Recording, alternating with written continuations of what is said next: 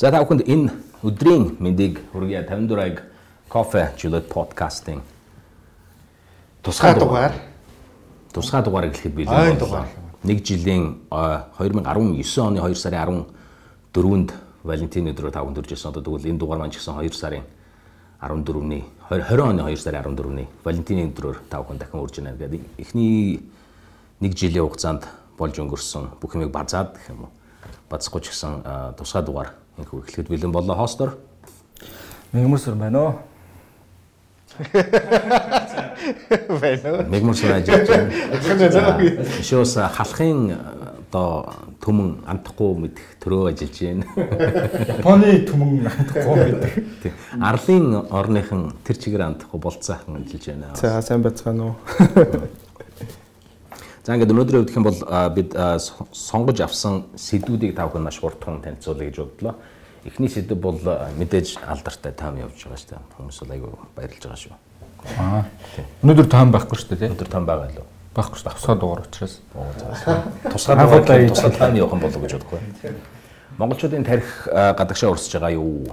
Brain drain гэдэг концепцийн талаар судлаачид та бүхэнд хүрэхээр бэлтгэсэн байгаа. Түүнээс гадна сонсогчдоос ирсэн хүсэлтийн дагуу нэг сэдв сонгосон тэр нь болохоор чийлдэх тэгш бус байдал, чийлдэх үйл явдлын талаар гэсэн байгаа. Тэгэхээр тэгш бус байдал чилийн одоо эмгэнэл гэх юм уу? Одоо ололт амжилт гэх юм уу? За эмгэнэл талдаа юм уу тийм үү? Тэгээд ер нь монголчууд өөрснөө юу сурч болох юм бэ? гэдэг талаар сэдв хоёр дахь нь байгаа. А мөн гурав дахь сэдв нь болохоор зал- залуучуудын улс төрийн оролцоо ямар хөө байгаа юм, ямар байх ёстой юм. Тэгээд эзэн хичээвэл заяа хичээнэ гэж ярьдаг ч гэсэн залуучууд оролц оролцохгүй болоод тэгээд юмнууд нь хичээдэг юм шиг байна. Ер нь зүгээр а, сэтгэдэг улс төрийн болоод нийгмийн эдийн засгийн идэвхтэй тийм залуу залуучуудын хэсэг Монголч Монголд хэрэгтэй байдаг юм уу гэдэг талаар судлаач бас бэлтгэсэн байгаа. Тэгэхээр энэ талаар та бүхэнд өргөх аа уламжлал ёсоор 21-р өмнөх подкастын дугаар гарсны дараа а, фидбек комментууд юу нэмэр хөө. Дугаар гараад тэтгэн онж байгаа шүү, тий. Аа 3 4 л. 3 Гурав 4 дөрөв болж байгаа шүү дээ. Гэтэ Сонсолтын хэмжээ бол амар мундаг байлээ. ер нь бол өөрийгөө магтах их муухай байдаг байхгүй. За яхад гэхдээ энэ удаа тэр магтах боломжийг бол зүгээр факт л ярьж байгаа. Факт. Тоо. За энэ тал дээр зүгээр подкастаа дүгнээд хэдүүлээд маш товчхон ярина. Гэхдээ энэс өмнө сонсогчдын бас фидбэкийг та бүхэнд хүргэж бодлоо. Инх чимгийн өвдөж ярих юм бол гурван зүрх хэрүүлсэн байна. Нэгэн зүрхгүй хоцрох нь биш. Тэр нь бол хин юм бол. над руу л харж байна. Алтан сүх а, гант төмөр а, маш бүтээлчээр лайк гэдэг том а, фидбэк өгсөн байна. А, Би хулан гэвд ямар удаан хүлээсэн подкаст болвоо гэсэн. А мөнхтөл видео хэлбэрээр оруулбал бас наагур чинь дүүрэн камер байгаад да бэлгөнө гэнэ. Яаж мэдсэн бол. Уг нь камер биш, камертай хүмүүсийг л оруулмаар байгаа. Нэнд ор цайд нь тий.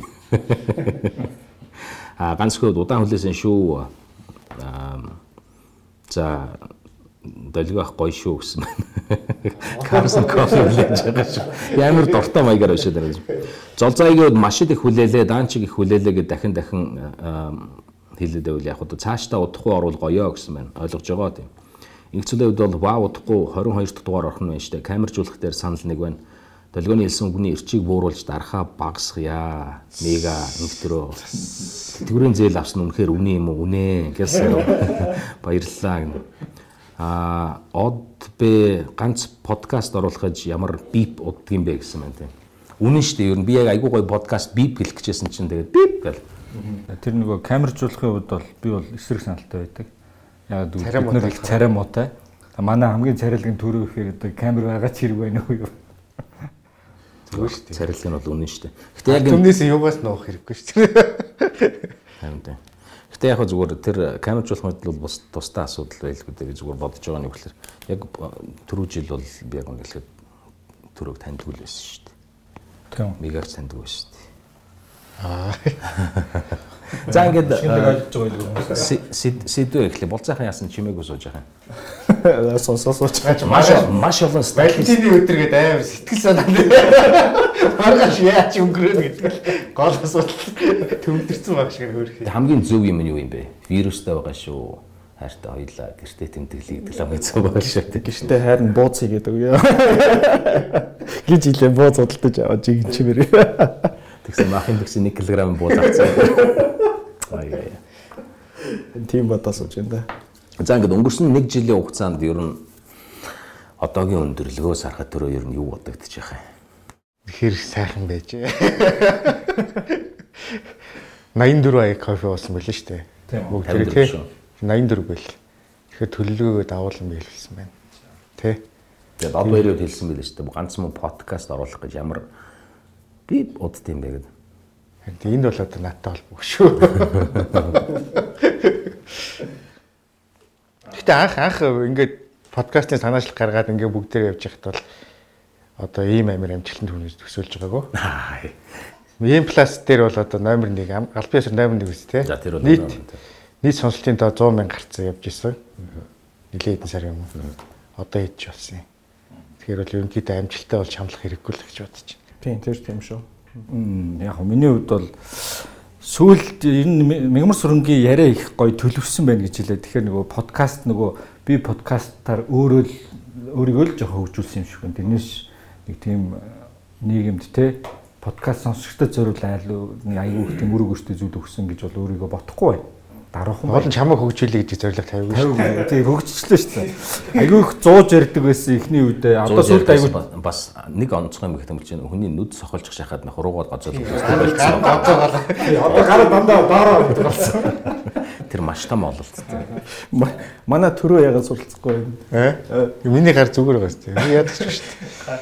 Тэ тэ гэдэг яг гэрээ. Их муухай мэддэг усран гайг болчиход байгаа тийм. Харин тийм кофе гайгүйх муухай байдаг гэсэн шүү дээ. Одоо бас гайгүй. Тийм тэгэхээр хөгжсөн хугацаанд бол бас давуу тал бол байна тий. Мега хөгжсөн байна. Төрөөс соёлтсон байна. Долгион бас ерөөс попортг байсан. Айгуу гой попортг олсон. Амар pop болсон. Мэдэн дундаа pop зандан болсон шүү дээ. Өнөөдөр одоо өгсөн дэр гэдэг юм ярих нь уу яах нь? Гэхдээ энэ дэр хоёр хоёр зөрүүтэй юм яваад байгаа шиг байна. Нэг нь юу гэхээр шүү дээ. Та хэд яг дата байна уу, факт байна уу, бусад логикийн хувьд байна уу? Нэг тийм үр дүнтэйгээр няцаалт хийж чадах болон чадахгүй болонгуудаа намайг попор. Бүлээсэг факторнес айгүй хэцүү байдаг байхгүй. Адилхан попыг поп Попыг попор л хийцээс өөр арга байхгүй. Наа чинь бол айгүй поп мэдэгдлээ. Тэ. Гоо одоо жишээлбэл ингээ гурван тутмын чинь нэг нь ядуу байгаад байна. Энэ талаараа юу гэх гэдэг болоод өгөрөж. Ямар амар попорти ингээл гүн өмнө нь шүү дээ. Факт ч гэж. Факт шүү дээ. Тэр гоо тэгэл Бид гол тэр гурван дөрөв нэг нь яд нь одоо бид гурав шийдэхгүй шүү дээ. ингээ зүгээр э, Гэтэ тэр статистик бол өгнө шүү дээ. 3 3 үний 3 үний нэг нь. Тэгээ 4 үний би бол ядуу. Одоо бол попорт байсан одоо ингээ те нэг жилийн хугацаанд долгионыг дагаад бүрээ. Дагаж попорт гэж. Муу юм их урдаа халдварлах юм тийм. тэгэхээр сонсогчдоо хэлэхэд бол ингээд э, намайг бол их дарддаг юм уу? Ялангуяа тэгээд э, комментээр бол жоохон дэмжлэг үзүүлэхэд их зүгээр байгаа юм. За энийг өргөдүүлэх таадаг гэж байгаа юм. Төрөө намайг дардгийн, мега дардгийн. Гэхдээ яг үнэн эрэхтэй сүүлийн 1 жилийн хугацаанд хамгийн их соёлтсон, хамгийн их хөгжсөн хоёр хүн сууж байгаа шүү дээ. Тэгс мөртөл За яг вэ Монголын олон том харж байгаа? Манангийн гар л гэж. Тийм би энэ хоёр бол манангийн гар болоо. Аль нь аль нь ман нөгөө аль нь ман нөгөө. Аль нь гар нь аль нь хөлн юм уу? Гэхдээ бид нар э, маш том бүлгэлттэй тэмцлээ үргэлжлүүлсээр байх болно. Эндийг бас би бол хэлэх гэж Одоо энэ жил одоо яах вэ? Хідэн каяг кофе авах уу? Тэр тэр бүлгийн ямар бүлэг байт юм? Би одоо өөрөө тэмцээд байгаа юм мэдэхгүй. Бага л юм. Багэл бочих тийм. За. Бацанд нэмчээд байгаа юм шиг юм байгаад байж л та. Байж л. 54 ай кофег нэр бол өөрчлөхгүй шүү дээ. Яг тэгэхээр эсвэл өөрчлөх юм бол доотлол нь 54 ай кофе гэдэг нэрчилсэн тийм. Минимум ч юм уу. Тийм минимум 54. Бас брэнд болчлаа те.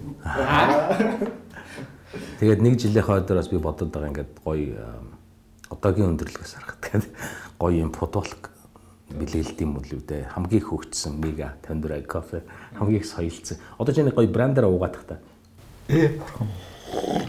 Аа яа яа. Хамгийн анх сонсоод амир амир их зэвүү үрсэн ш надад чи 80 кофе ууж чадахгүй. Тэрийг яг хасчихгүй байсан.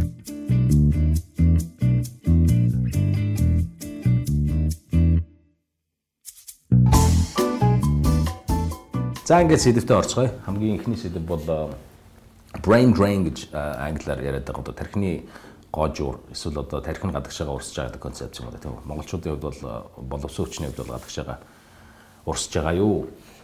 Ер нь урсаад байгаа гэдэг яаж мэдээд байгаа юм бэ? Ер нь энэ концепт маань юу юм бэ гэдэг талаар эхлээд танилцуулах юм бол их зүгээр яхан болоо гэж бодож байна. За ингээд хамгийн хөгжсөн нэгээс эхлэх үү? Яг ерөнхий концепт концепт концептийн одоо ойлголтын гарал үүслийг нь хайлт ярих юм бол Зүгээр маш богинохноор бүгдээрээ санал хэлээд явуул. Энэ сэдв яагаад чухал юм? За ер нь энэ сэдв чинь өөрөө ямар учиртай сэдв бэ гэхээр хөгжиж байгаа орнуудын хөгждөггүй нэг зовлонгуудын нь зовлонтой шалтгаануудын нэг нь боловсралтай, мэдлэгтэй сэхэтнүүд нь их орондоо үлдээд ажиллаж ажиллаж хөдөлмөрлөөд амьдрахын оронд өөрийнхөө боломжийг хагаад гадагшаа гараад явцдаг. Тэгээ үүнийг бол тархины гоожулт гэж нэрлэдэг байгаа юм. Brain drain, сэхэтнүүдэд алдах ч юм уу одоо юу гэдэг чинь те. За зөвхөн сэхэт юм шээ. За сэхэтнэж гэж хэлнэ юм. Боловсралтай, мэдлэгтэй бэлтгэгдсэн ажилчин ажилчин хүчнээ алдаад байна л гэсэн үг л дээ гадагшаа. Тэгээ энэ ойлголтыг бол Royal Society-гаас анхаарч ирсэн юм Английн. Яагаад тэгэхээр дайны дараа дэлхийн 2 дугаар дайны дараа Английн эрдэмтэд мэдлэгтэй хүмүүс Америк руу аягүй их дүүрвж гарсан А за түүнээс өмнө энтхийхт бас тохиолдож байсан үйл явдал гэдэг. Энтхийн хамгийн боловсралтай хүмүүс нь англи руу дөрвж байсан. Ийм үйлдэлээс болоод энэ одоо ойлголтыг анх нээжсэн гэдэг байхгүй. Монголд яагаад ач холбогдолтой юм бэ гэхээр Монгод одоо шилжилт хөдөлгөөн хийгдснээс хойш хүмүүс аялах одоо дөрвөх хэрэгтэй болсон. Үүнээс хойш бол маш олон хүмүүс гадагшаа явсан байгаа шүү дээ. Ажил хийж байгаа, хөлмөр хийж байгаа давуу талтай ч гэж болно тэд мөнгө наашаа явуулдаг тий а тодорхой хэмжээний орлого оруулж байгаа. А нөгөө талаараа бас сул талтай тэр нь юу вэ гэхээр тэр хүмүүс энд ажиллаж исэн бол дотооддоо а баялаг бүтээгээд тий хөдөлмөрлөд амьдрах боломжтой байсан. Гэтэл тэд маань гадагшаа явчихлаа тэгээд энэ сэдвээр ярилцъя гэж шийдсэн байна л да. Яг би сая ярьж байгаа сэдв брэнд райн гэдэг Монгол дээр одоо юу гэх юм боловсон мэрэгжилтний дайжилт гэд болгочвол яадаг. Яг тогтсон нэр томьёо бол одоогор байхгүй байгаа юм. Мэрэгжилтний дайжилт гэдэг айгүй тийм юу юм шүү. Хол сонсогдоод байгаа юм шүү. Харин яг нэг тийм тогтсон нэр байхгүй учраас арай дөхүү байдлаар тэрнээс тархины гоожилт хэрч одоо нэг тийм очоо толгойн хаглаа хийсэн нөгөөдгөө юм гоожод байгаа юм шиг буух гэдэг юм л та. Тийм механик ойлголт болчих гээд байна. А яг зүгээр дайжилт гээд ядуу нийгмээс баян хөгжингүү нийгэм рүү хүмүүс очоод аж ахуйгаа амьдралаа бодоо явчихаас гадна бас өөр ойлголтууд байдаг юм байна. Нөгөө одоо жишээ нь мэрэгчлэтний солилцоо гэж ойлголт байна тий. exchange, brand exchange гэж байна. А юу вэ? Э, хөдөлгөөн шинж гэж байсан. Mobility угаасаа ингэ байнга хөдөлж идэг, эргэж очиж идэг, буцаж идэг. Тэгэд манад бол тухайлбал яг энэ талаар тухайлсан судалгаа бол байхгүй байна. Үнэхээр сэлгээ игээд байна уу? Явчихсан хүмүүс нь ямар давтамжтайгаар буцаж ирж байна. За төрөөс тухайлбал тэр нэг зүгэн үргээд нэг бодлого явж байгаа санагдаж байна. Одоо орог 10 гараж болох гэж байна уу? Энэ хүрээнд үнэхээр э, нөгөө гадагшаа явсан болсон хүчнээ татах бодлого маань хэр хамжилттай хэрэгжсэн юм. Тэгээд үр дүнд хүрсэн юм уу? Энэ талаар бас судалгаа тооцоо их байгаа. Зүгээр одоогийн байдлаар бол Монголд 19 оны судалгаагаар 180 мянган монгол гадаадад байна. Үүний нэг 50 мянга орчим Солонгост за ихэнх төлөө нөгөө харбор ажил хийж байгаа байх. За мэдээ сурч боловсрч байгаа хүмүүс ч бас их байгаа. За Америкийн нэгдсэн улсад бас яг тэр орчим байна 40 50 мянга. За Европт бол бас 40-50 мянган. Ихэнх нь бол энэ гурван бүс улс орнуудад монголчууд ажиллаж амьдарч байгаа. Тэгээд зүгээр бас яг дахиад тэр дотроо хідэн үнэхээр өндөр боловсролтой сэхэтнүүд явсан байгаа гэдэг тоон судалгаас алга байна.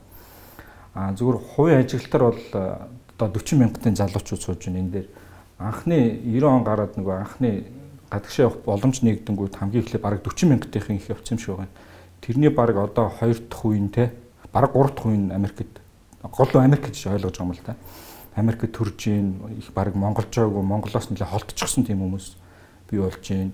Үүнтэй холбоотой бас хоёр иргэншлийн асуудал ярьж байгаа. Энэ талаараас бид нар өнөөдрийн сэдв байх болов гэж бодож байна. За бас нэг онцлог нь яг ус хэдний болсон хүчний дайжилтаас гадна болохгүй хүмүүсээс гараа явцнууд бол байгаа. Одоо энэ тэнд ингээд монголчуудын чих халдцуулж байгаа хүмүүс байдаг. Хулгай хийдэг, тэ гимт хэрэгт холбогддог. Тухайлбал анзаархнаа дархан сэлэнгээ төмөр замын хүмүүс төмөр зам дагсан аймагуудын Европ руу гараа явцсан. Тэгээ тэн дээр бас Оронд увс аймгаас хүмүүс талхас дархан сэлэнгэрөө төгс.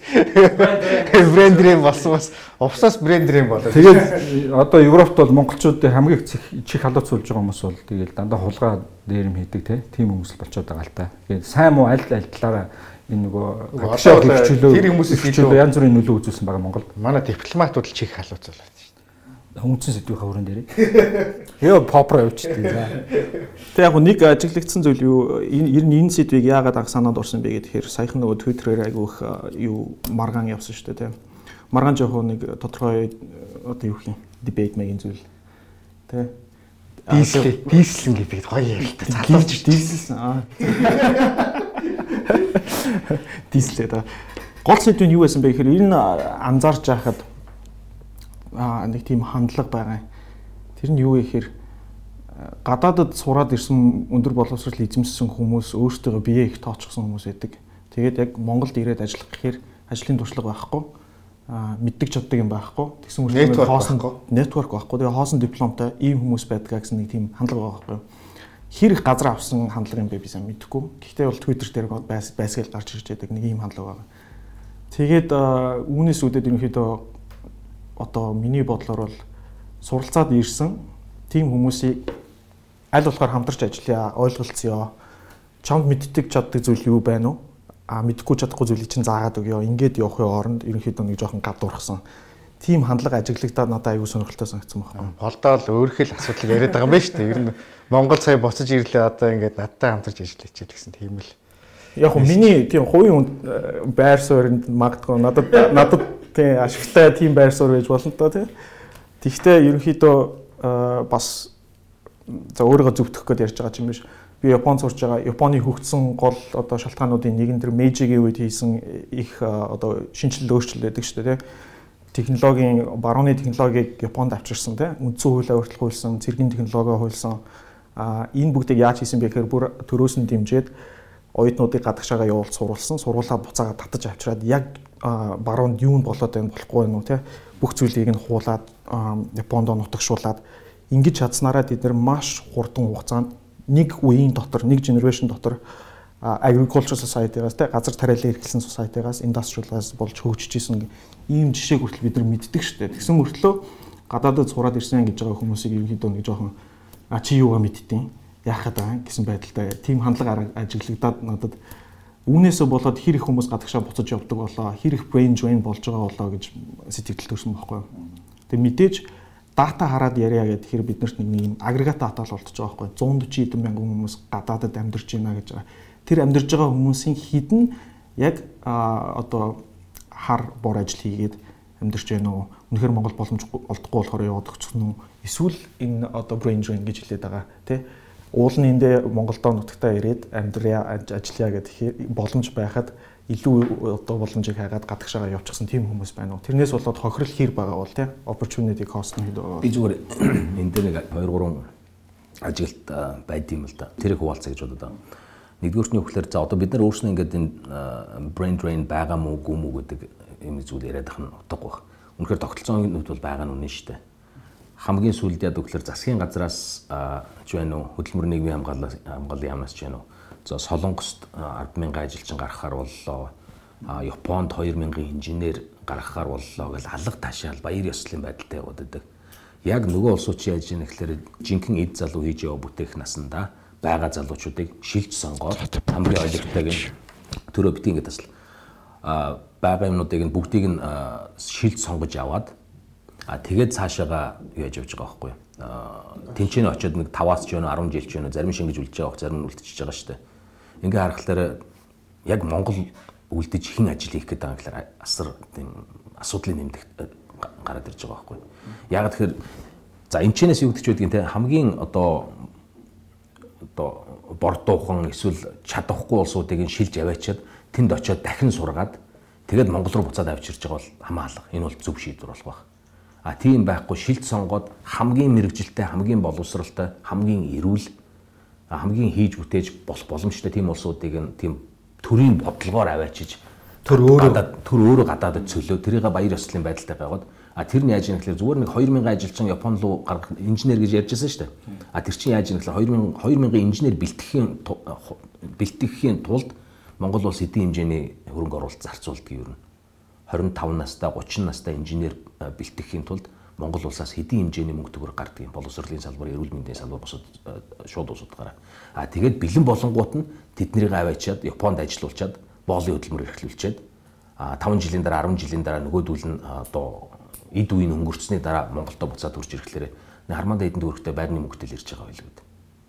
Энд чинь яг тэгээд амжир Солонгост бол маш их болсон шүү дээ. Хамгийн сүүлд энэ зүүн бол яаж багш нар маш их явсан тийм үү?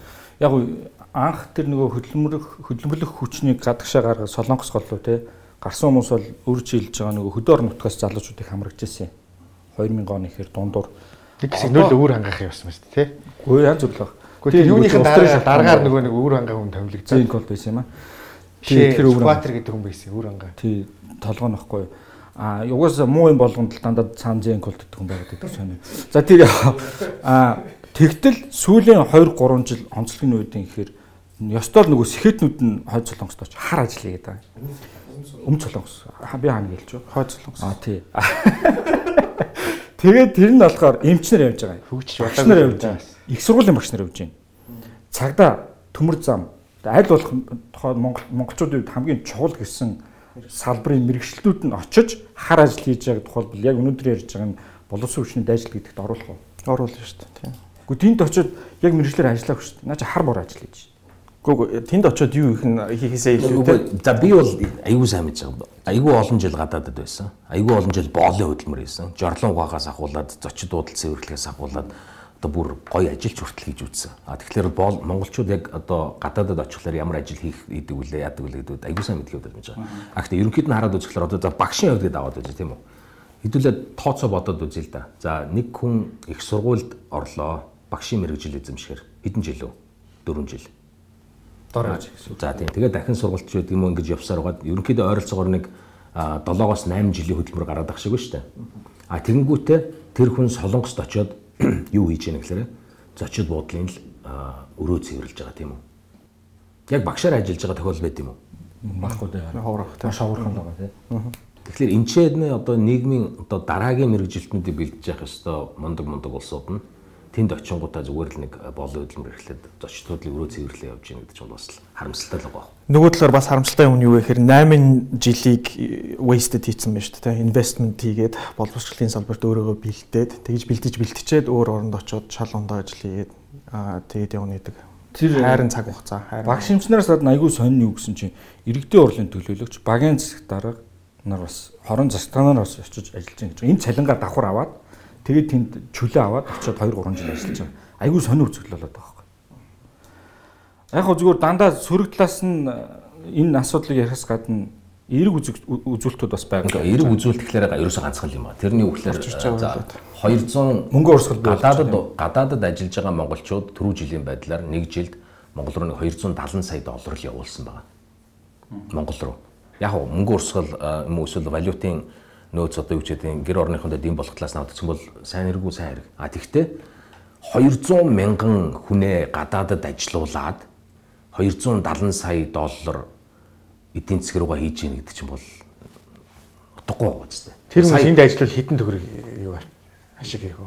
Улсад оруулах уу? Үгүй хамгийн гол нь юу гэж нэхлээр одоо бид нар чинь нөгөө эргээл одоо намайг попорх гэх байх л да. Гэхдээ газрын баялагч нь бүх юмуд байж л шүү дээ. Тэгээд нэг ордоороо сая хэдэн төгрөгийн өрийг шийдчихлээ 700 гаруй тэрбум төгрөгийн үрийг шийдчихээ үстэй. Зөвхөн нэг ордоор гэж яриад байгаа. Тэгэхээр чи энд 270 сая доллар гэж нь тэрнтэй тэнцвгүй хэмжээний мөнгө байгаа үстэй.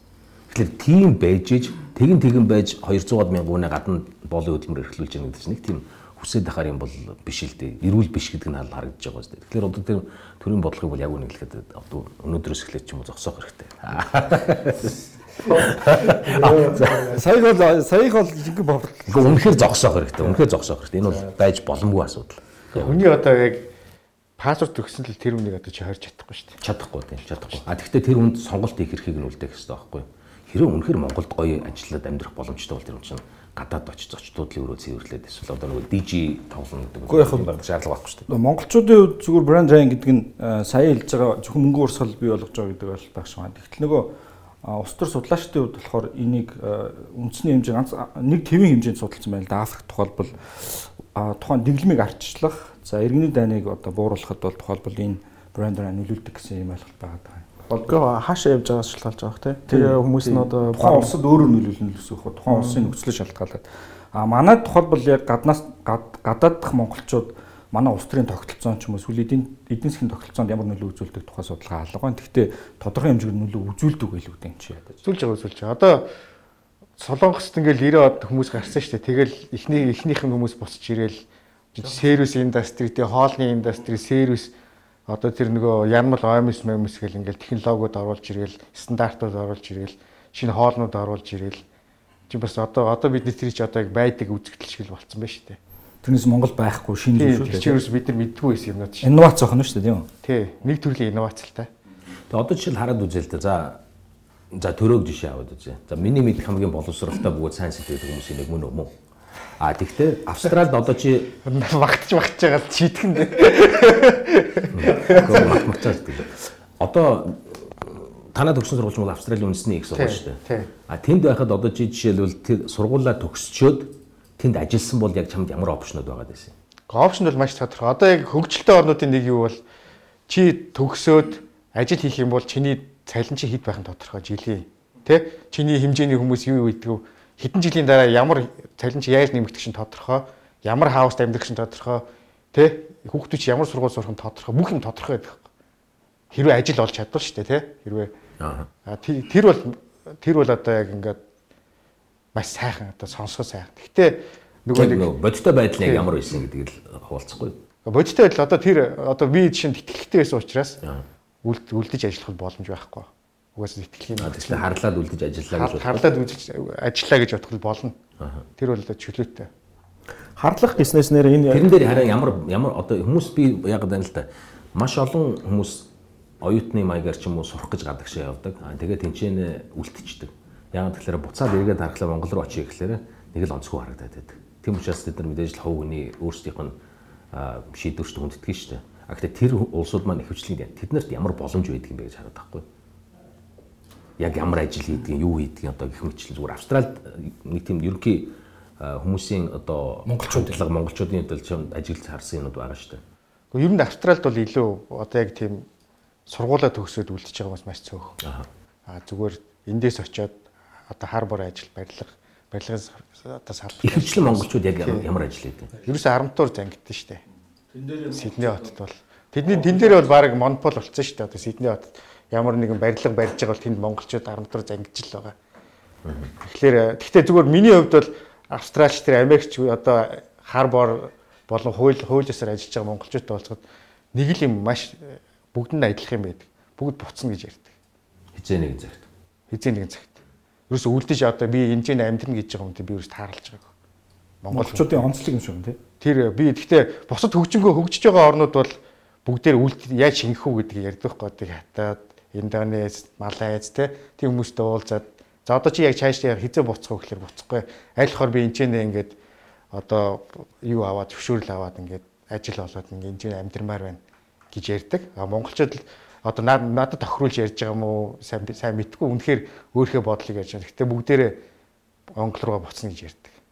Монголтай амьдрна гэж ярьдаг. А тэгээд зүгээр би зүгээр тодруулж асуухад түрүүн зүгээр хальт орхичлоо.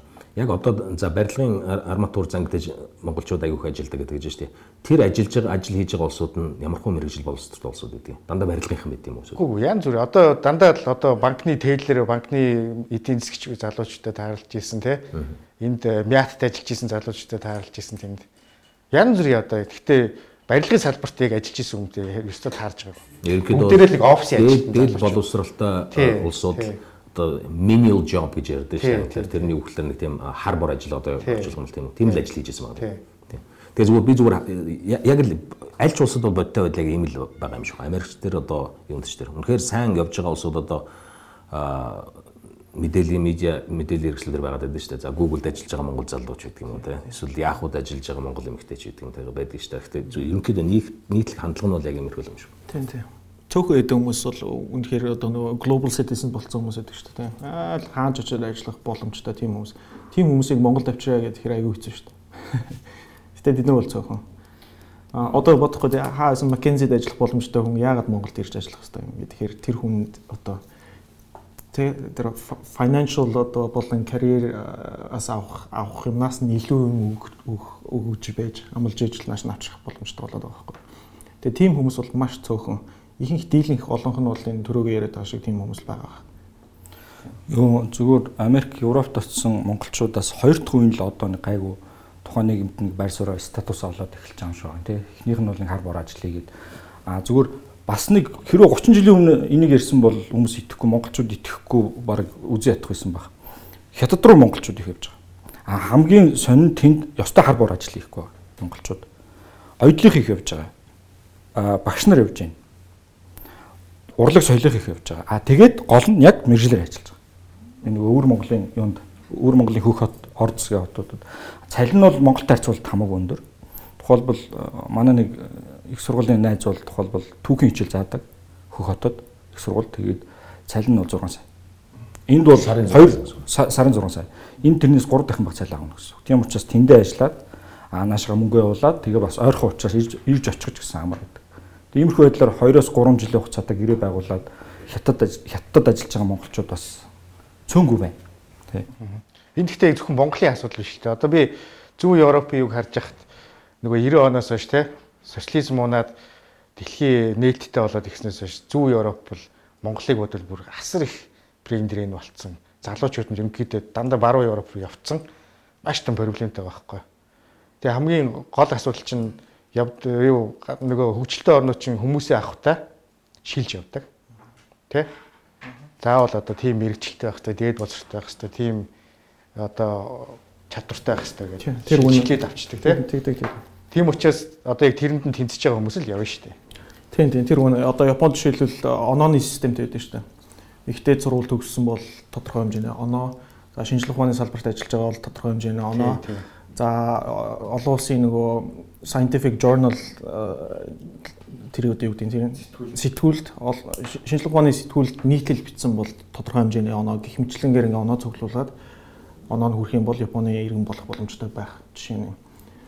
Тэгээ тэр улсууч болохоор боловсон хүчний хувьд өөрсдийнхөө тархийг ингээд сэлбэд байх бүх юмуд байгаа л байна. Байгаа тийм. Одоо шинэ Австрали бол өөртөө тэнд их сургууль төгссөн хүнд бол 2 жилийн ажлыг шууд өгдөн штэ. Төгсөх юм бол чи 2 жил дотроо ажиллах хэрэгтэй. Тийм. Америкт бол 2 жил өгдөг. Тэр өөртөө бэлдсэн хүмүүсээ тэнцээ хадгалж үлдэх гээд байгаа байхгүй. Ашиглах гэдэг штэ. Тэ? Тэр толгойг нь ашиглах гээд байгаа байхгүй. Тэдний бодлого тэр нь бол зөв штэ. Ер нь бол Наад зүгээр хамгийн харамсалтай санагддаг зүйл нь за хамаа алга гадаад дотоод ажиллаж амьдрах нь хүний эрх асуудал.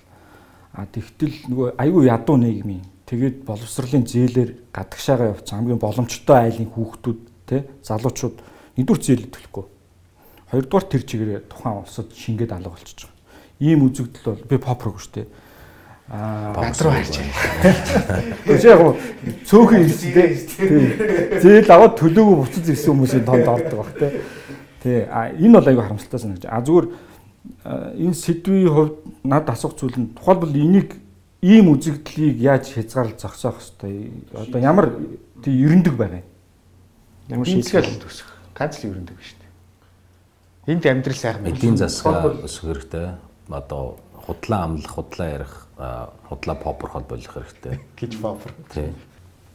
Яасан юу? Одоо шинэ Хятад, Японд бүр зориуд дээр төрөөс бодлого явуулсан юм шүү болтоо түүх ярьжсэн тий түрүүн тэр тийм тэр бол одоо дээр үед болоод өнгөрсөн зүйл л дээ 19 дэх зууны тийм би нэг мэжигийн үе юм яриад шүү дээ. За яг хамгийн орчин үе юм бол одоо хятадууд айгүйх гадагшаага Америк руу бэлтгэгдсэн. Болсон үчнээ бэлтэж байгаа шүү дээ. Тэгээ Америкчууд одоо сая худалдааны дайн өдрийг яриад исэн. Америкчууд юу гэж комплейндад байгаа гэхээр хятад оюутнууд очоод Америкчуудын intellectual property-г сурчаад хулгайлаад хоошоо хятад руугаа авчиад байна гэсэн тийм одоо комплейнт хүртэл явж лээсэн л та. Тэгээ хятадуудын хувьд бол хүмүүсийг буцааж авчих аюу амархан шүү дээ гэр бүлээр нь барьцаалаа. Тэ. Аа тий. Тэгэхээр манайх чөлөөтэй эрхчлөөтэй хүн хаана очиж юу хийж амьдрах нь одоо өөрийнх нь ирэх байгаа ийм улсад эдийн засгийн аргаар садал аргаар хүмүүсийг татах сэтэл өгч байж тийм үү. Тэгэл ярихаар одоо урт хугацаанд бид нар ажлын байр бий болох хэрэгтэй, цалингийн өсгөх хэрэгтэй ажлын байран дээр гараад энэ компаниуд цэвэр merit системээр явах хэрэгтэй. Танил талын сүлжээгээр биш юу гэх юм те Аа тэгээд ирэхээр хүмүүс гэтээ тэр уул нь гадагшаа явж амьдрах чинь айгүй ядаргаатай хэцүү асуудал шүү дээ. Үүнээс маш их кост гардаг. Гэтээ тэргүй их орондоо өлегтэй сайхан ажил болтоод чи хөдөлмөрлөж чадах юм бол болж гин. Тийм нөхцөл байдал байгаа тохиолдолд заавал гадагшаа явах шаардлага байхгүй л та. Тийм маш их хөдөлмөр зарцуулж яаш мөнгө зарцуулж яаш гадагшаа явн явн явж гинэ гэдэг чинь энд үнэхээр болохгүй байна л гэсэн үг л тийм. Тэгэхээр за базаад хэлэхэд тийм амархан шийдэл байхгүй. Тийм үү? Урт хугацаанд бидний тэнцгээс ажиглах хэрэгтэй тийм л шийдэл байгаа юм байна даа гэж харж байна. Тэгээд визнийг визний шаардлага гэсэн хүндэрч хэлэх юм аа. Одоо тийм тийм хиймэл маягаар визний шаардлага доогуур байж болно л доо. Яаж ингэж гарна шүү дээ. Яг гарахтаа ороод яаж байгаа. Гэхдээ зүгээр энэ дээр яг гэхээр хувь хүний төвшөнд хийгдэж байгаа шийдвэр гаргалт нь а ерөнхий макро төвшөнд нь хараад үзэхлээр айгүй сөрөг буугаад байгаа байхгүй. Одоо жишээлбэл за мега гэж шигээд аваад үзье тэгвэл. Үнэхээр боломж байгаад дуртай улстай очиод аятайхан ажиллаад явах юм бол яг үнийг хэлэхэд Монголыг сонгох уугүй юу? Одоо гэр гэрээ тэр чигээр наваачаад Америкт юм уу эсвэл одоо аятайхан амьдрахаар боломж байвал бас баг стресстэй бодвол хувийн амьдралаа бодвол Америк руу явна шүү дээ тийм үү? Гүү Австрали биш ээ. Канад руу явна.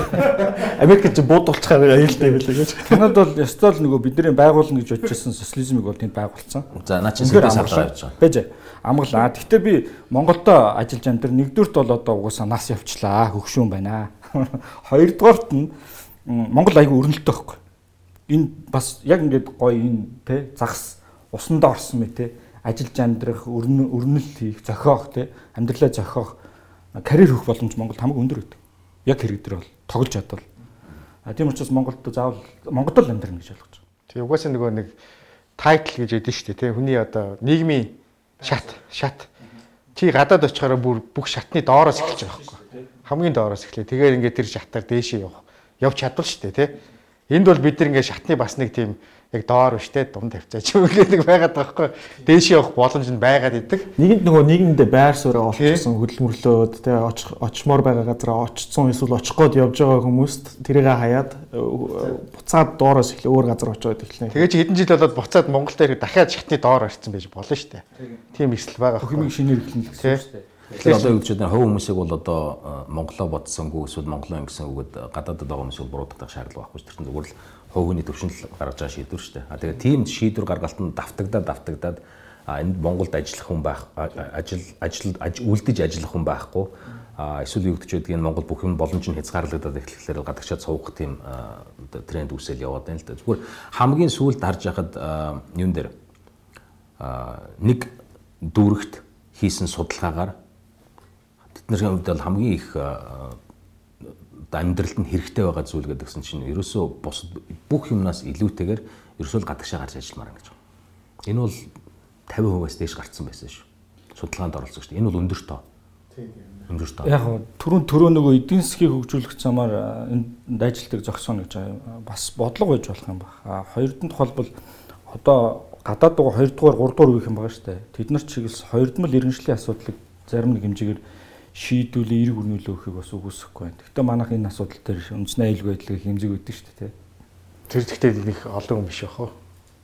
Гэхдээ бас чиг энэ чинь боловсроод мэдлэг боловсрол эзэмшсэн төлөвшсөн маш олон залуучууд байгаа шүү дээ. Монгол гэсэн. Манайх чи хамгийн сүүлд нэг зөвгийн үүр гээд нэг э, юм хөтөлбөр хэрэгжүүлээд тэнд байгаа хүмүүсээ авчирыгээд явсан тэр тэгээд ачаал юм болсон уу болоогүй юу тэгээд алга болсон шүү дээ. Тэднэрт зориулсан бүр гадаад байгаа монголчууд зориулсан Монголд эргэтэн зориулж орон сууцны төсөл хүртэл хэрэгжүүлж исэн төрөөс энэ энэ чиглэлээр бүр хөрөнгө оруулалт хийсэн. Гэхдээ тэр мөнгө бас буруу замаар ороод тэгээд төсөл дампуурсан гэж байлаа. Тэр үед бол Монголын эдийн засаг айгүй сайн өсөлтөө байсан шүү дээ. Тэ тэ яг нөгөө 3 mm гэл Гэхдээ тэр зөвгийн үргэд хөтөлбөрөөс болоогүй түүхийн эдийн үнэс. Харин тийм тэр үед боломжтой байсан хүмүүс. Гэхдээ тэр одоо тэр нэг жижигхэн сайклаас нэг гаргалгаа нь харагдаж байгаа байхгүй тий 11 он 10 11 оны үе шиг эдийн засгийн өсөлттэй байх юм бол тэгтээ тэргүү та нар хүссэн үсээгүй хүмүүс буцаж ирнэ зөндөө ирсэн шүү дээ. Ирээл хилтэй устай хүмүүс нь шууд шингэжсэн. А тэгвэл нэг ялгаа нь юу гэхээр тэр хөтөлбөр зарласан юм уу эсвэл хөтөлбөр хэрэгжүүлснээс болоод биш. Биш. Ерөнхийдөө нөгөө эдийн засгийн өсчээс учраас төрж ирж байгаа. Одоо яг эргээл тийм нөхцлөө яахгүй болохоор хоёрын орны тийм Симптом маягийн юмтай орооцолдод бол хэрэггүй. Тийм тийм тийм. Тэр чинь бүр үнэхээр амбицтай хөтөлбөр шүү. Тухайлбал яг тэгэхээр зөвхөн гадаад байгаа монголчуудаас гадна бүрээд үүр монголчуудад татъя гэдэг бодлого байсан тэнд. Тэр хүрээнд бүр хөх паспорт болгоё те. Ой тэгэл нохон бас бол хувирсан. Харин тийм л нохон бас болсон. Гэхдээ манайх монголчуудын хувьд бол эдийн засаг өсөөд ирвэл дагаад бас монголчуудын амбиц те дуурах дуу хоолоос нэлээд хүчтэй болт юм шүү. Энд ажлын байр хомс байх эдийн засаг өлегтэй явахгүй байгаа үед дотоодоос хүртэл хүлээж авах хандлага нь байхгүй байгаа байхгүй юу. Гаднаас хүн ирэхээр шууд өршөлтөгч гэж харж байгаа шүү дээ. Тийм одоо аль хэдийн байр суурь олцсон за нэг газар менежер хийж байгаа хүн гэхэд өөртөө өөрөөс нь илүү боловсралтай ч юм уу те гадаадаас сураад ирсэн хүн. Гэхдээ ажлын туршлага байхгүй Монгол. Тэгээд гол шууд тэр хүнийг хамтарч ажиллах маягаар хамтрагч маягаар харахаас илүүтэйгээр өршөлтөгч маягаар хараад тэгээд байгаа нөхцөл байдлаа zero sum game болгоод те Тэгээд хүлээж авахгүй шууд одоо түлхсэн байдлаар хандлага гараад харагдаад байгаа. Тэгээ ийм байгаа учраас нэг талаас хүлээж авахгүй нөгөө талаас ирэх сэтлэн ч бас байхгүй байхгүй. Ирээд яахын ажил утахгүй ч гэдэм юм. Тэр ерөөсөл хамаг юмны одоо шийдэл нь эдийн засаг дээр л байна. Ажлын байр болох хэрэгтэй. Харин тийм л. За энэ сэдийг ингээд та гэхдээ зүгээр хаахын үндий бас нэг зүйлийг хэлмээр байгаа нь юу гэхээр яг боловсон хүчний ч нэ хувийн ур чадрын хүч наваад үзэхлээр хаанч ажиллаж байгаа монголчууд бас яг илүү байдаг шүү үнэхээр. Үнэхээр Энэ болохоор одоо юу ч гэдэг бид нар тэнгэрлэг монголчуудаа биш зүгээр л хувийнхээ нүднээс авдаг айгүй илүү байдаг. Тэр нь юу гэж юм гэхээр за хаана нэг газар очиод аяг угаасан ч гэсэн тийм. Эсвэл одоо нэг тухайн офис менежер хийсэн ч гэсэн яг монголчуудад илүү байдаг байхгүй. Та найзуудаасаа асуугаад үзээрэй. Гадаад ажиллаж байгаа найзуудаасаа. Төрөж илүү байсан юу? Тийм шүү дээ. Хамгийн хурд хаана ажиллаж? Өрөө цэвэрлдэг. Нэг хэсэг явсан шүү дээ. 10 минутад нэг өрөөг ингээл гаргаад. Тэр хөлгөтөд байсан юм шүү. Монголчууд ч бас жоохон монголчлоод байдаг тал байгаа шүү дээ. Энэ Монголоос ирсэн гар мангар хурдан гэдэг нэгээр гарсан. Нөгөө гэр зэрлээд гэсэн чинь хамаг хогийн базаад орондоо гөр шийддэг шүү. Манай нэг ах Японд ажилладаг байсан. Тэгээ нэг юм хэв дардаг нэг нэг даралтаар л нэгийг гаргах хэрэгтэй байхгүй юу? Тэгсэн чинь нөгөө нөгөө тэр чинь хугацаа бага байх тусам, их байх тусам, хэдий хийх тусам цалингаа авдаг. Тэгснээр нөхөр нэг өдөр бодож ирсэн давхарлаад байсан байгаа юм. Тэгээ 13 хүртэл давхарлаж агаад тэгээ хэвийг гаргаад байсан.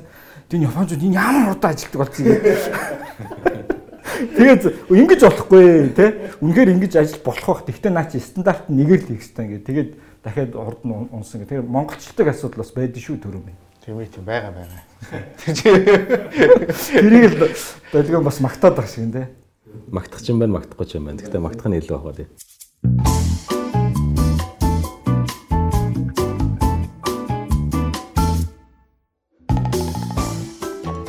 За ингээд дараагийн сэдвээр ороо дараагийн сэдв тэгш бус байдал чилийн жишээ гэдэг. За комент ирүүлсэн байсан тий. Комментэн дээр болохоор юу гэсэн бэ гэхээр Chili Miracle гэдэг зүйл нэгдүгээрт юу болсон юм бэ? Тэр маань ер нь одоо Chilд үүмээ самуун дигдээд байгаа. Тэрний гол одоо учир шалтгаан болж тааруу.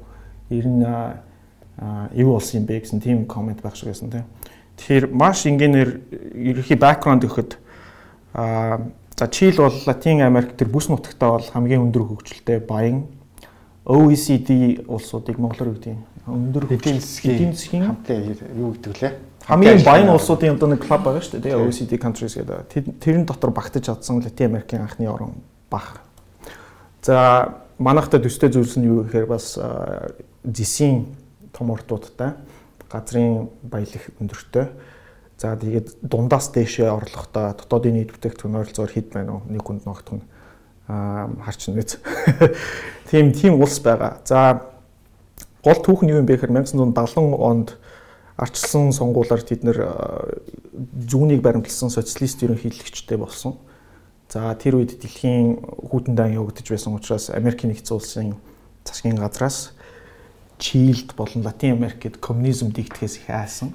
За тэгээд тухайн арчилсан сонгуулиор ялж гарч ирсэн ерөнхийлөгчийг цэргийн эргэлтээр унгааж цэргийн дарангуулагчийг генерал Пиношет Пиношетээр орлуулсан ба. За тэгээд Пиношетийн үед 70 оноос 73 он за тэгээд дараа нь 85 он тэгээд 90 он гэсэн энэ гурван мөчлөлтэйгээр эдийн засгийн либералчлал явагдсан юм байна.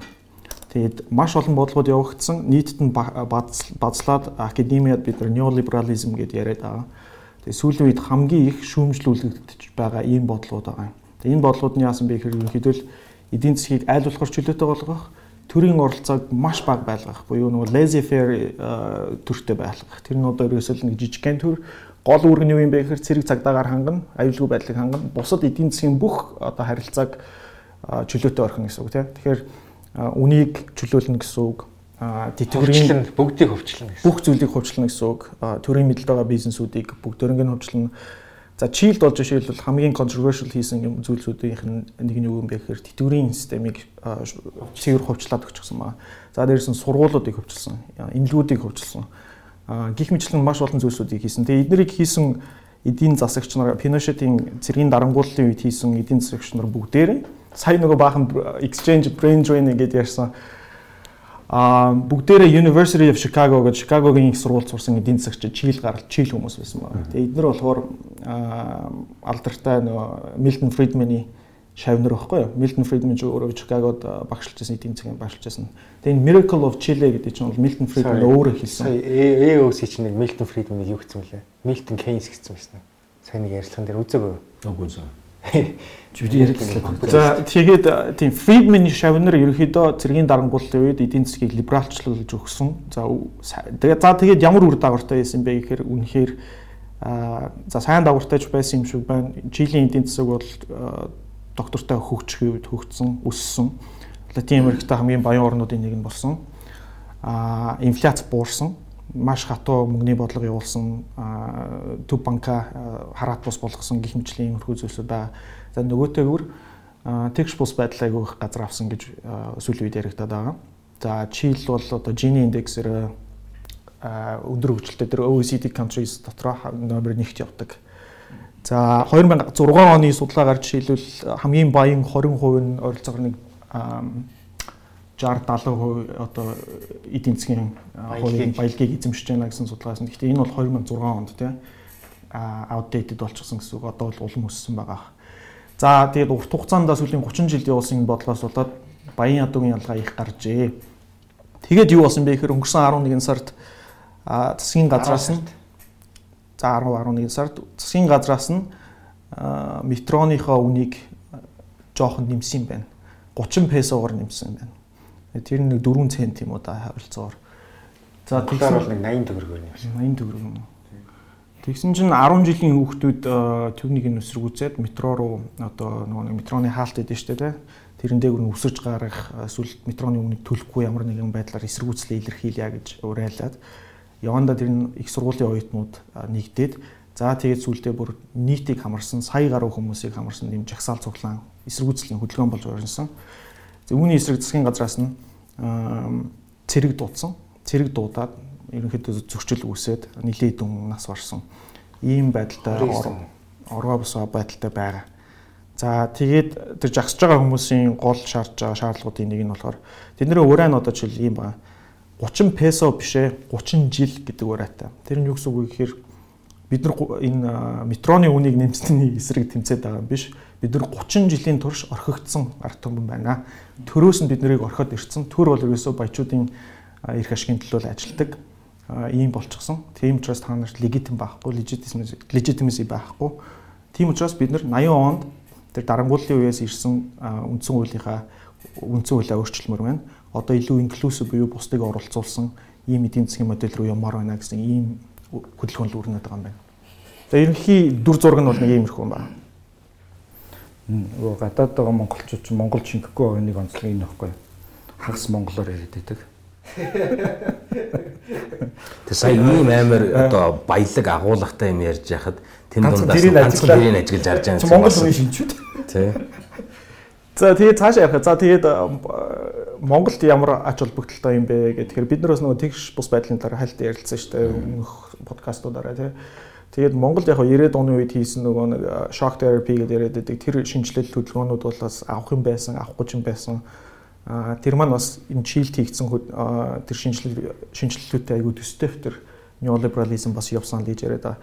Тэгээд за неолиберализмыг жоохон муулах бол ер нь айгүй модонд орсон байгаа шүү дээ амархан шүү дээ. Амар амархан. Та нар ингэж ингэж алдаа гаргасан байна, ийм ийм зүйл хийсэн байна. Тэр тусмаа яагаад модонд орсон бэ гэхээр одоо 2008 оны их хямрал болсон шүү дээ, тийм. Housing bubble-аас болоод Америкт том хямрал болоод эзэн засгийн хямрал болсон. Түүнийг бол цэвэр неолиберализмтэй холбож одоо ойлгож байгаа хүмүүс. Тэгээд академиад багш нар, профессорууд, эдийн засагчид хоошоо өнгөрснөө хараад өнгөрсөн 30 жилийн Reagan Thatcher-ийн явуулсан бодлогыг бол маш ихээр шүүмжилж байгаа. За тэгээд асуудал нь юунд байгаа юм бэ гэхээр окей болохгүй байгаа модель юм байна. What's the alternative тийм үү? Одоо юу хийх гээд байгаа? Ямар өөр эдийн засгийн модель байгаа юм бэ гэж байхгүй. байна. Тэгэхээр айгүй хэцүү байдалтай тийм юм. Социализм яа гэхээр ч одоо маш тав. Тэгээд социализмыг орхитуулаад тийм. За за яарэ. Социализмаар хөгжиж байгаа сайхан орнууд зөндөө байна. Тийсээ Канад гэсэн мэт тий. Канад, Австрали байна. Скандинавын орнууд байна. Шинэ Зеланд. Тий, Шинэ Зеланд байна. Бүгдээр өндөр татвартай бүх эмнэлэг сургууль нь үнэгүй тий. Бүх дид бүтцийн төрөөс яаж байна. Тэтгэврийн за тэтгэврийн жаараа төрөөс байх шиг байна. Бусдаар бол нэг социализм шүү дээ. Нийгмийн хэлбэр нь л гэж болгоос яг эдийн засгийн бусад бүхнүүд нь л тэгэл чөлөө зах зээлээр л явж байгаа шүү дээ бид нар чинь. Тэр капитализм гэвэн шүү дээ. Татварсан тэнд аюу өндөр өгдөг шүү дээ. Хойд Европ энтерт. Гэхдээ хэрвээ одоо прогрессив гэж ярьдэн шүү дээ. Баян байхсан өндөр татвар төлдөг орнод байхгүй. Тэгээ тэр модельд бол зөв зүгээр явж байна. Тэр моделийг яагаад одоо бусад орнууд хэрэглэхгүй байна гэхлээр янз бүрийн шүүмжлүүд яриад байдаг байхгүй. Тэгээ социализм руу явлаа. Коммунизм боллоо. Болох нь тий. Гээ эдийн засаг одоо сүрэх нь тийм ярьдаг. Ч бол да. Гэхдээ яг тэр өндөр татвар төлөөд буцаад одоо жишээлбэл Скандинавын орнуудын зарим улсуудын одоо орлогын татвар чинь хүн амын орлогын татвар чинь 45-аас дээшээ 50% зарим нь явж байгаа тийм. Эргүүлээд яадаг вэ гэхээр их сургууль нүнгөө, боловсролын систем нүнгөө, health care нүнгөө тийм ээ. Имлэг дээр очиод үзүүлэхээр нүнгөө. Social safety net. Social safety net маш сайн. Гэхдээ тэд нар яаж ингэж чадаад байна гэх тэгэхээр угаасаа жижиг нэгдүгээр хүн ам цөөтэй жижиг орнууд байгаа заяа. Хоёрт нилээд нь том том одоо үндэсний үйлдвэрлэгч гэх юм да тийм корпорацууд байгаа. Тэднэрийг дэмжиж явах тэр нөгөө нэг нийгмийнх нь одоо институтууд нь маш сайн хөгжиж гисэн. Татвар нэмлээгээд тэр компаниуд а одоо жишээлбэл Финландд татвар нэмлээхэд Финланд хаяад хятад руу явах боломжгүй л байхгүй юу? Comparative advantage нь болохоор яг Финландтай байгаа. Тэгээ тийм cheap labor дээр одоо cheap labor гэдэг хямдхан хөлсөөр ашиг олдог тийм компани manufacturing компаниуд биш. Бид нар юу үйлдвэрлэж байгаа нэхэр маш high end valued те одоо юу гэдэг боловсрол өндөртэй асар нарийн тийм ажилласан ажиллах хүчин дээр суурилж ажиллаж байгаа тийм компаниуд байгаа. Тэгэхээр тэд нар бол яг нутагтаа байж ижил илүү амжилттай байх боломжтой учраас тэгээд улсаа чирээд аваад яваад байна гэж. Тэгэхээр Монгол ч юм уу одоо жишээ нь тийм компаниуд байхгүй газар татвараа нэмье гэхээр орлогоо олох их усүр нь байхгүй гэж яаж татвараа нэмэх вэ тийм. Нэгт хоёрт одоо жишээл Америк ч юм уу одоо ийм том эдийн засагтай маш олон одоо салбраас орлого нь орж ирдэг ийм газар татвар нэмья гэхээр баячууд нь мөнгө аваад Сингапур явдаг. Эсвэл Cayman Island руугаа явчихна. А баялаг бол одоо мобил болчихсон. Татвар нэмхэл юм бол цухтаад гараа явдаг. Тийм учраас нөгөө татрын компетишн бий болчихсон. Яг Скандинав орнодоос цухтахгүй. Түр ярьлаа шүү дээ. Тэнд байгаа компаниуд Скандинавынхаа баярчид нь харин тэр компаниуд нь Скандинавын орнуудад байж ижил өөр ингэсэн нэг одоо давуу талаа олж аваад байна гэж ярьж байна. Одоо чинь Калифорнид байгаа одоо Google, Amazon тэ одоо хин чи одоо Сиэтлд байгаа сте Калифорни шиг. Гэхдээ надад надад Бид нар бол одоо тэгээд одоо тий руу явахгүй штэ. Тэрөө Харин тийм тийм. Тий. Асуулт одоо явчихгүй одоо энэ ч удаа. Чиний ойлгоод байдаг тэр эдийн засаг болон бусад тэр өрсөлдөөний юм чинь өөрчлөгдсөн байхгүй юу? Харин өөрчлөлтөн болоод тэр өөрчлөлттэй гэж яриад байна. Одоо жишээлбэл яаж ийм гэхээр Starbucks Seattle төвтэй Америк нэгж бас тийм үү? А тэгсэн мөртлөө үйл ажиллагаагаа Англид явуулж байгаа өчнөө олон салбар байгаа тийм үү? А тэгэхэд хэдэн төгрөгийн татвар төлдөг гэж бодож байна? Хаана? Starbucks Англид. Англи тоо? Тийм. Англи төлөх байх. 1 фунтын татвар. 1 фунтын татвар. Англи төлөхгүй байх тий. Харин 1 фунтын татвар төлж байгаа байхгүй хийсэн орлогоос. Тэгэхээр одоо юу гэж байдаг нөгөө хуучин уламжилт заавал энд байжгаад энд татвар төлөөд энд ашиг хийгээд энэ ч яадаг гэдэг тийм ойлголт ч ерөөсөй байхгүй болцсон байгаа байхгүй юу. Харин баялагч өөрөө мобил болчиход байна шүү дээ. Тийм. Тэгэхээр тэгэхээр одоо жишээлбэл татварыг нэг газар нэмэл одоо үрд нь 20 дугаар зуунд бол болж исэн тийм үү. Америкчууд дотоодынхаа эдийн засгийн асуудлыг өөртөө мэдээд би шийдчихсэн. Бусад орнуудтай ярилцахгүйгээр бүс нутгийн бодлого явуулахгүйгээр тий татвараа нэмнэ гэвэл нэмчихнэ. Тэг яах юм татвар нэмжлээгээд үйлдвэр нь шууд хятад руу өгөх боломжгүй лээс аахгүй 70 оноос өмнө тий. Одоо яаж байгаа гэхээр татвар нэмья нэг улс дангаараа татвараа нэмья өндөр болгоно гэдэг юм бол бизнес community чинь тэр чигээр өөр тийшээ явчих боломжтой болчихсон өршөлтөөнтэй. Үүнээсээ одоо болоод одоо үнэхээр асуудал байна шүү дээ. Тэгш бус байдал нэмэгдээд байна нэмэгдээд байна. Social safety net нэммээр байна нэммээр байна. Тэгэхээр яаж нэмэх юм хэрэг татвар нэмээс өөр арга байхгүй. Татвар нэмэх гэхээр нөгөө ийм ийм байдалд орчоод нэг ацанчлалаатай. Энд дээр зүгээр нөгөө бид нар бас өөрснөө нэг тийм сэтгэлийг өөрчлөх хэрэгтэй юм шиг байна. Дахиж бодох хэрэгтэй юм шиг өөрчлөх гэдэг. Тэрний үгээр за бид нар чинь ярих дуртай шүү дээ. Нөгөө дэлхийд ганцхан Монгол эднэр гэл. Яг хараад үзэхлээр бол байгалийн баялагтай улсууд зөндөө байдаг. Азид ч зөндөө байна. Тэгсэн мөртлөө хүмүүс нь авьяастай улсууч бас зөндөө байгаа. Аа өөрсдийн гэсэн бас баялаг түүхтэй улсууч зөндөө байгаа. Магадгүй Чингис хаан шиг агуу биш юм аа гэхэд агуу түүхтэй улсууд бас зөндөө байгаа шүү дээ. Тэгэхээр зүгээр ийм үед болохоор бид нар өөрснөө цээж идэлдэд байгаа ш. Яг яг яах ёстой. Нөгөө өрсөлдөх чадвараа яаж явах ёстой. Гадагшаага урсчаад байгаа тэр тархиныхаа гожрыг яаж таглах ёстой. Яаж энд байгаа улсуудаа одоо мегамитийн улсууд бол нэг тийм жоохон цалингийн өндөр өгч ёстой. Нэг тиймэрхүү юм бодохгүй нэг тийм худлаа хоос ингэж яваад тахлаа шал худлаа шүү тийм үстэй. Ер нь бол нийгмийн тэгшус байдал ганцхан Монгол Чилийн асуудал биш болчиход байна л да. Дөнгөж саяхан Оскарын шагналыг нөгөө шимэгч гээд кино болоо тий. Оо гайхалтай юм болсон тэр. Тэгээд Солонгос манд тугай. Тийм байж л да. Бонжун Хоо гэдэг тэр найруулагч бол угсаа нэгэн нь өөрөө солонгос хэрэг гэж хэлдэм байна. Бонжу хоо. За мэдгүй. За тэр найруулагчийн хувьд бол угсаа социологч мэрэгчлээ байна. Тэгээд э, нэг биш тийм нийгмийн тэгшүүс байдлыг харуулсан кино хийсэн юм байна. Цас ханзлагч их гэдэг кинонууд те. Тэгээд энэ кино чинь маш олон хүний одоо анхаарлын төв точсон одоо олон төрлийн тэргүүн бол энийг үзэх дуртай гэдэг өөрсдөө зарласан байна. Тэгээд э, үүнтэй холбоотой бол тухайлбал дөнгөж сая би нөгөө Сэрдрам гэдэг нөгөө шүтээсийн нэг идэвхтэй багш байдаг шүү дээ. Тэрний юу харлаа постыг тэр аюул сонирхолтой байна. Одоо ч нөгөө коронавирусоос болоод хичээл хаацсан телег хичээл явж байгаа. Тэгээд тэр телег хичээл дээр үтсэн үзэж байгаа сурагчид яаж гэнэ гэсэн чинь энэ англи хэлний багшийн акцент ямар муухай юм бэ? Математик зааж байгаа багшийн арга зүй юм уу байна гэдэг. Өөрөөр хэлбэл Монголд одоо тэгшүүс байдлын нэг том юу бол чиглэл бол ерөөсө боловсролын салбар болчихлоо. Тухайлбал би ингэж боддоо зүгээр таамаг шүү. Сур солилцоо гэж хөтөлбөр үүдэг штэ. байдаг штэ тий. Одоо нэг тийм нэвтрүүлэг гэдэг үндсэн зөр гардаг. Тэр нэг орон нутгийн хүүхд Улаанбаатар хотод ирдэг. Хотоос хөдөө очиж сурдаг нэг 10 хоногийн. Тэрэн шиг гэр хороолол Монголын одоо хамгийн өндөр төлбөртөө гадаадын их сургууль шүү дээ гадны хөрөнгө оруулалтыг сургуулийн хоорондын сурах солилцоо гэвэл энэ аюул сони юм харагдаж шүү. Би баг гэр ороолын хүүхдүүд бол баг хэрвээ энэ том зүрэг харуул баг босгох гэж боддیں۔ Үн жоохон попчлаа. Гэхдээ энэ бол боловсролын ялгаа бол Монголд бол цаашдаа хамгийн сөрөг үр дагавар авчрах үз ийм нөхцөл байдал руу төлөх. За эргээ чийл рүү орох уу? Чийл юу? Энд айгүй чухал асуудал ярингууд чи чийл рүү оруулах ямар шаардлагатай. Чийл бид чинь чийл асуудал яах яах гэж яриад байгаа. Энэ чи өөрөө Монгол сургамж өгөх өгцөн шүү дээ. Тэгш бус байдлын одоо суур гол шалтгаануудын нэг нь боловсролын тэгш бус байдал байна гэж мэг ярьж шүү дээ. Тэгэл тэр бол үнэн шүү дээ. Чийлч гэсэн одоо ягаад тийм болсон бэ гэхээр боловсрол их сургуулиудад 10 жилийн сургуулиудаа бүгдийг нь хөвчлөлцсөн шүү дээ, тий. Тэгээд өнгөт чадж байгаа мөнгө олж байгаа ашигтай сайн боловсролтой байгаа сургуулиуд нь сайн яваад тэнд нь мөнгөтэй хүмүүс нь л хүүхдүүдэд явуулаад нөгөө мөнгөгүй нийт олонх нь болохоор ингээд улсын сургууль ч юм уу мяа сургуультай үлдээл ингээл тэгэл тэр нь яваал яваал олон жилийн туршид яваал үржигдэл ийм байдалтай болчихсон. Өөрөөр хэлбэл тэр шимэгч гэж кинонд гарч байгаа гол санаа чинь тийм үнэр байгаа шүү дээ тий. Нийгмийн ядуу үсэх юм. Тэр үнэр аль хэдийн Монголд ялангуяа Улаанбаатар хотод айгүй их хурдтай тархаж чинь гэж бодож байгаа. За энэ топ биш шүү. Энэ бас тий. Тэр найруулж ажилласан шүү. Тэгээд хоёрын ганцаарч байгаа гэдэг. Дандаа бүх юм дээр бүх юм pop гэсээр гадаад сүлдээ өөртөө ч юм ярьж чадхаа гэдэг. Өөртөө юм яриараа би попорч яаж байгаа. Тэгэхээр Монголд байгаа тэгш байдал бол тэгшвс байдал байна гэдэг нь төрийн бодлогоос гадна өөрөө бас нэг баялагын нөлөөх баг шүү байна. Өөрөлдвөл монголчууд нүүрний буян гэж нэг ойлголт өгдөг шүү дээ уламжлалт.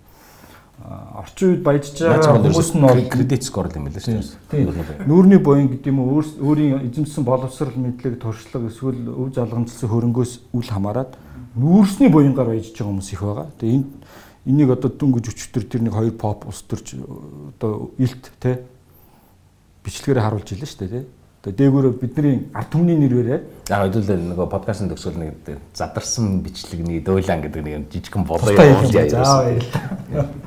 Тэ. Тэгээд э, мегагийн санаа бол дөө. Тийм нөгөө нийгмийн давхраг хоорондын тийм солилцоо явагдах хэрэгтэй тийм одоо юу гэдэг нь social mobility гэдэг дөрвөн подкаст. Ярьсан тийм. Тэгээ тэрийг яг яаж хийх вэ гэхээр айгүй гой санаа гарч байгаа. Үнтэй тэр гадны сургуулиудын оюутнуудыг болон хөдөөний оюутнуудын хооронд нь солилцъё гэдэг тэгж яриад байна шүү дээ. Хүчтэй Монгол дотроо Монгол дотор харин тийм. Гадаад яг яг нэг нүгэлэхэд наадгаар чинь шийдэх юм ерөөсөө юуч байхгүй болчиход байгаа байхгүй. Би зүгээр энэ дээр ганцхан байна. Тэр нөхлөр стандартын асуудал юм уу? Тэр нөхлөр хотын болон хөдөөгийн эсвэл Улаанбаатар хоттойгоо дүүрэг хоорондын сургалтын эсвэл боловсролын боловсрол хүргэх тэр стандарт нь л өөр болчиход байгаа байхгүй. Эн чинь нэгдсэн нэг л стандарттай байх ёстой шүү дээ. А тэгэхгүй болохоор энэ стандарт нь хүн дээр тулгуурсан болоо сайн багш байх юм бол сайн түүх заадаг, сайн англи хэл заадаг. А муу багш байх юм бол муу биолог заадаг, муу хим заадаг. Иймэрхүү ээж болохгүй байхгүй юу? А тэгээ түрүүний бидний ярьж байгаа сэдвүүд ч гэсэн айгүй уялдж байгаа нь юу гэхээр яг гадна ажиллаж байгаад сурч боловсроод ирсэн улсууд нь болохоор тодорхой хэмжээний өрөөлөл глобал стандартыг амсаад мэдсэн тэр дагуу ажиллаж чаддаг болчиход байдаг. Энэ төр жирэнгүүд нь стандарт байхгүй учраас их гологддог байхгүй. Өөрөөр хэлбэл стандарттай улсууд нь стандартгүй газараа гологдоод байгаа байхгүй. Тэгэхээр бид нар яах вэ гэхээр тэр олон улсын янз бүрийн бол байхгүй одоо монголчлох эсвэл монголоор хийх эсвэл тийм ерөөсөө байхгүй. Ерөөсөө л одоо юу гэж хэлээ хүмүүс яагаад төрөөг асууя. Хүмүүс яагаад одоо Макдоналдс дуртай байдгийг Яг л чи юу гэж бодож байна? Стандарт хаад Яаж ч муу айлч Макдоналд дэлхийн айлч Макдоналдаас нэг л ам. нэг л амттай гоё. Яг энэ ч стандарт байхгүй. Яг тэр- бол тий. Яг яг тэрнтэй адилхан хүмүүс одоо юу гэж байдаг нэг тийм мундагтай ч юм уу эсвэл ингээд янз бүрийн гадаад дотоодод сураад юм уу яагаад байгаа юм шүү дээ. Ерөөсөө л тодорхой стандарттай гэж бодоход буцаж Монгол төрж ирэхэд Монгол стандарт байхгүй учраас л бүх юмны үүсэл гараад байгаа. Хамгийн түрүүний түрүүний хичнээн хэлээд байгаа юм нь юу гэхээр оюутны оюутнуудыг юм уу сурагчдыг солилцоо хийгээ ямар ч нэмэр байхгүй. Үгүй нэмэлттэй гэж хэлээгүй шүү дээ. Тэгвэл энэ айгүй их соёо резнаас гоё болно. Гоё популизм Тэгэхээр үндэсний хэмжээний нэг л стандарт хэрэгтэй гэж яриад байгаа. Тийм санал нэг байна. Тухайлбал хамгийн гол нь тэр стандартыг тогтоодог боловсролын сайдар нь өөрсдийнхөө хүүхдүүдийг өөрсдийнхөө хүүхдүүдийг хамгийн өндөр төлбөртэй сургууль явуулж байгаа. А тэгсэн мөртлөө нийтийн боловсролын бодлогыг барьж байгаа юм. Энэ тэгээд хэр болохгүй шүү дээ. Оновчтой шудраг бодлого. Нэг хоёрд нь а одоо чаавс нөгөө юу яа л да хамгийн бага орлоготой гэж хэлчихэ. Яг нөгөө байршлын өвд гэр оруулаа. Хүүхдүүдээ тэртээ тэр 30 40 мянган долларын үнэтэй сургуульд сургуульд явуулж чадахгүй. Тэгээ арга орохдоо одоо нэг 24 23 гэдэг нэг төвийн сургуулиуд руу нэг удаад авилгын нөгөөд тэр нэг 3-аас 5 сая төгрөг зарим бүр 10 сая гэдэг юм билээ. Төргийн авилгын нөгөөд хүүхдээ оруулчвал цаашдынх нь амьдралын хувьд бас нэг арай нэг дэвшил болон тэгшвэл рүү эсвэл арай ахиу статустай болно гэсэн нэг юм ойлголт яваад байгаа байхгүй чаас. Тэгээ тэрийн төрөөс дэмжээд бүр тусад нь автобус явуулж өгч байгаа шүү дээ. Тийм. Тиймэрхүү. Тийм л юм байна тийм. За би ч одоо тэгээд нөгөө хоосон онол мэддэг. Яг хөө ингээд яриа сууж байхад нэг уншижсэн санаа санагдаа. Тэр нь болохоор Hirschman-ы Exit Voice Loyalty гэдэг ном байдаг.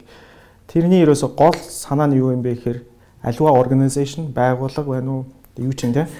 Яагаад дороотдаг вэ гэхээр дороотж байгааг нь мэдээд шүүмжлээд дээшээгээ удирдлагатаа хилээд засах гад явдаг хүмүүс нь хаяад явчихаар тэр байгууллага ялцардаг гэдэг ийм санаа байгаа байхгүй юу. Тэгээд education боловсролын систем дээр Америкийн боловсролын системийг жишээлбэл энэ хүн жишээ болгож ярьж байгаа байхгүй юу. Яагаад зарим дүүрэг дистрикт гэх юм уу да тийм тэнд маш муу боловсролын системтэй байна уу сургуулиуд нь яагаад явахгүй байна уу гэхээр тэр дүүрэгт нь амьдарч байгаа хамгийн хөрөнгөтэй мөнгөтэй ихэнх цагаан арьстай хүмүүс байдаг тэд нар нүүгээд явдаг. Тэгээд өөрийн гэсэн дүүргээ gated community бий болгоод хашаагаар хан бариад дотроо Зайсан болгоод зайсан болгоод үнэхээр дэлхийн номер 1 тим стандартын боловсролыг боловсролыг бий болгоод тэндээ хүүхдүүдэд явуулдаг. Орхигдсон газар нь яадаг вэ гэхээр комплейнт хүн байдаг. Танаа боловсрол манай сургууль болохгүй байна, тэр багш чинь болохгүй байна, ийм байна, дорой байна гэж комплейнтэд явах эцэг эхчүүд байдаггүй. Тэгэл яг нөгөө нэг муу одоо зүйл стандарттай дасаал байж байдаг. Энийг яагаад би ахад дуртаж байгаа юм бэ гэхээр Монголд хамгийн засаад одоо комплайндад шийдэл гаргаад нэхээд явах боломжтой чадaltaй хүмүүс нь аль хэдийн хүүхдүүдэд аваад тусдаа харсан байхгүй Монголд. Тэгэд улсын сургууль дээр яаж байгаа гэхээр тийм нэг ийм саб стандарт гарчихсан. Бод төвшний тийм боловсролын систем үүсчихсэн. Тэндээ хүүхдүүд нь яваалаа. Тэгээ тэнд нь хинж тэрийг сайжруулъя гэж ярихгүй байгаа. Бүр дасцсан тийм. Ийм л байдал таа. 40 мянган төрөө юу гэж бодож байна. Одоо авиас хөтөлбөр мөтөлбөр гээл одоо улсын сургуулиуд Цөм хөтөлбөр. тий одоо ихэнх нь надад бол аюу хэрэггүй хөтөлбөрүүд. Тэг тиймэрхүү юмд аюу их ач холбогдол өгөөд дуулж хуурцсан нэг тиймэрхүү хүмүүсд л үйлдвэрлэх гэдэг байгаа байхгүй. Зөв би түрүүн хэлэх гэсэн чийл рүү буцаа гэсэн санаа болохоор чийлд одоо ингээд Сантьяго хотод очих юм бол амар тасархай. Баян тэр машин тэрэг байшин барилга те тасархай. Тэгсэн мөртлөө хүмүүс нь одоо тэгшүүс байдалд одоо айгүй ачаал бүлгэж те хүмүүс айгүй ад жаргалгүй байна. Хүмүүс одоо Монгол тэгдэг байхгүй ингээд зарим хүмүүс зарим мундаг философчд маань гараад хаар те та нарын Улаанбаатар машин те хичнээн сайхан машин чинь та нарын хотын төвийн байшингуудаа хаар үнэхээр тасархай гоё сүүлийн офисын шилэн барилгууд байна. Хүн болон гар утастай болчихлоо. Бид нар те бид нар хичнээн гар утастай болчихв. Одоо та нар happy байх хэрэгтэй гэж ярьдэн шүү. Тэгэхээр чилийн юг харах юм бол жишээг харах юм бол happy байдг байхгүй. Тэгэхээр энэ дээр зүгээр одоо машины тоо байшингийн юм дээр ингээд тулгуурлаад улс сайхан болчлаа гэж бодгол худлаа юм биш үү. Тэ? Бидний ч одоо манай бүүмрүүд л аягүй их яагаад байгаа шүү дээ. Бүүмэр болон бүүмрийг дагах ч дагах залуучууд их ярьдэн шүү дээ. Түгжрэл их байна, шилэн барилга их олон баригдчих байна. Энэ чинь тэгээд Монгол улсын хөгжил юм шүү. Тэгээ нөгөө тэр хүмүүсийн за нэг комеди хэлэл юу дуусгая. Тэр хүмүүсийн нөгөө нэг харах өнцг нь болохоор чи өөрийгөө 20 жилийн өмнө ямар байснаа хар 10 жилийн өмнө ямар байснаа хар одоо чи ямар болчиход байгаа хар тий Тэгэхэд чи одоо картын барааны үед очрлол далга авахгүй мах авахгүй очрлол зогсож байсан. Одоо чи прүстэй байна. Хоёр гар утастай байна. Гэртээ очиод зурагт үзэж чинь юундаа комплейнт байгаа юм гэдэг. А төрөөгөө хэлэх гээд байгаа санаа болохоор хүн чинь нийгмийн амьтан сэтгэл зүгээр яадаг вэ гэхээр байнга өөрөө өөрийгөө эргэн тойронд байгаа хүмүүстэйгээ харьцуулаад явж идэг. Тэгээд чи тэр хүмүүсээс доор байна гэсэн сэтгэл төрөх юм бол unhappy болдог. Тэгээд юм гол сэтгцэн чинь нөлөөлнө. Тэгээд тэр чинь бие махбод чинь нөлөөлнө. Тэгээ эрүүл байж чаддаггүй тийм. Тэгээ уурс нэг ийм л юм яриад байгаа. Яг гар тагшаа явж ирснээр тэр яг наад чинь нэг төрдөг мэдрэмж байхгүй. Зүгээр бид нар яагаад синга яваад ирэхээр эсвэл одоо өмнөд солонгос ч юм уу Аа. Яагаад бид нэр ингэж амьдарч болоод байхад монголчууд яагаад ингэж амьдарч юм бэ? Тийм. асуудаг асуулт байна. Тийм тийм тийм. Би сая Сингапурт яваад анх удаага очиж үзсэн. Өөрийгөө би ямар ядуу байна гэдэг. Тийм. Амар муухай мэдрэмж төрж байгаа байхгүй. Тийм. Яг тэр тэр чинь одоо манай нийгэм бас дотроо ингээл тий ажиглагддаг. Тийм тэгээ зүгээр нэг гудамжны одоо юу гэдэг чинь сонин зардаг 8 марааны дэлгүүрийн одоо худалдагч нь хүртэл аюу сэтгэл хангалуун юм хийж байгаа тийм. Айгуу гоё хөгжим хөгжим сонсцоод байна. Тэгэхэд яг тийм сэтгэл ханамж монголчуудад бас байхгүй шүү дээ. Тэг байлгамаар л шүү дээ яг үнэлэх тийм үст. Яг аа.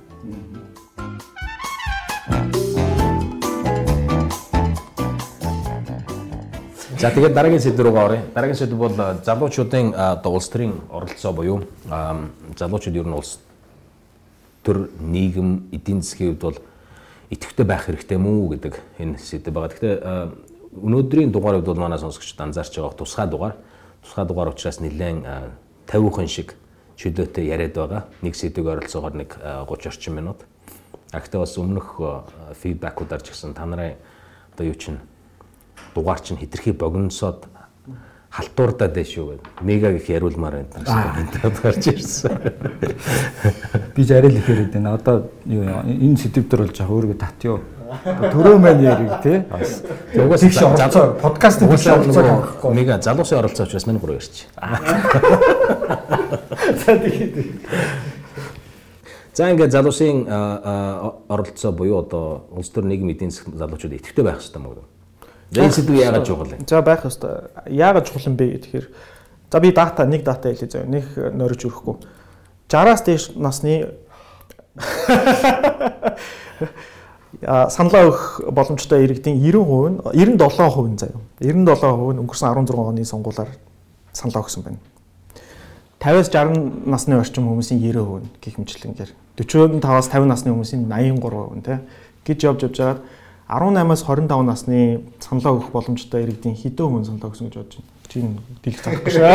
50%. Тийм дөнгөж 50%. Тэгээ энэ бол нэмэгдсэн тоо. Өөрт нь 12 оны сонгуулиор болохоор 41 40 за хувь саналаа өгсөн байна. Мэдээж улс төр янз янзын аргаар оролцож болно. Гэтэ саналаа өгнө гэдэг бол одоо хамгийн энгийн бүр одоо fundamental act гэдэг шүү дээ. Хамгийн наад захын зүйл. Тэгэхэд залуучуудын 50% нь оролцохгүй байна л гэж энэ дээр гарч. Одоо оролцож болох юм биш үү? Ер нь одоо нэг жижигхэн social experiment хийгээд үзэл. Сая мега авшихэд амар халдвартай байгаа байхгүй. А тэгвэл яг ангаа ухааны хувьд бол хүмүүс өвшөөхэд дагаад өвшөөдөг гэж байгаа байхгүй. Тэгэхээр манай подкастыг бол унжаар 4000 үзэж сонсож байна гэдэг чинь бол одоо дөрүлээ өвшөө заа. Яг одоо өвшөө заа юу. Тэгвэл хүмүүс дагаад сонсож байгаа хүмүүс дагаад өвшөө заа юу. За 3 2 1 А энэ хотлоо хотлоо нэ. Бодлогоос ившээ гэж байхгүй юм байна. Би тэгээ наваг би ярахад лившээ гэдэг. За юм байна. Гэтэ айгүй халдвартай гэсэн шүү дээ. Тэгээ одоо сонсож байгаа осож гэсэн эвшиж яхах юм бол social experiment амжилттай боллоо гэсэн. Яг энтэй адилхан залуучуудын оролцоо бол итгэвтэй байх болцоотой байна. За ингэ нэвтрэлгээ аа гэж. Тийм тэгээд окей гол асуултандаа хариулахад залуучууд оролцох шаардлагатай юм уу гэж тийм. Аа Зүгээр наач бол ерөөсөө залуучууд оролцох шаардлагатай ягаад гэхээр асуудлууд нь ихэвчлэн залуучуудыг хамгийн их affect хийж нөлөө үзүүлж байгаа. Тэгэхээр хэрвээ тэд нар оролцохгүй байх юм бол тэдний асуудлыг өөр бусад одоо generationуд нь одоо хөгшин улсууд нь ч байдаг юм шийдэд аваад яваад байна гэсэн л арга байт юм үү? Тийм. Тийм. Тэгээ тэрийг бол задраад задлаад жишээ мишэдээ ярьж болно шүү дээ. Тийм. Одоо жишээлбэл улсын хурлын гишүүд зарим нэг гишүүдийн одоо хийж байгаа зүйлсийг харахгүй тийм улс нийтийн амралтын өдөр бий болгоё л гэлдэг чинь тэрийг шашин машинтай холбоол одоо тийм ажил хийгээд явах ямар шаардлага байна вэ? Тэр одоо number 1 issue мөн Монголд нүүрлээд байгаа. Үгүй тэдний сонгогчдын хувьд number 1 байхгүй. Сонгогчдын хувьд яагаад тэднийг 65-аас дээш насны хүмүүс сонгож байгаа учраас тэднээс зөвлөс юм хийн шүү дээ. Харин тийм. Тийм болохоор тэгэд ямар хүмүүс сонгож гарч ирж байна, цаана ямар хүмүүс байгаа тийм л бодлого явуулна шүү дээ. Нөгөө нэг баабургай нөгөө хэлээд идэг өгч юу лээ.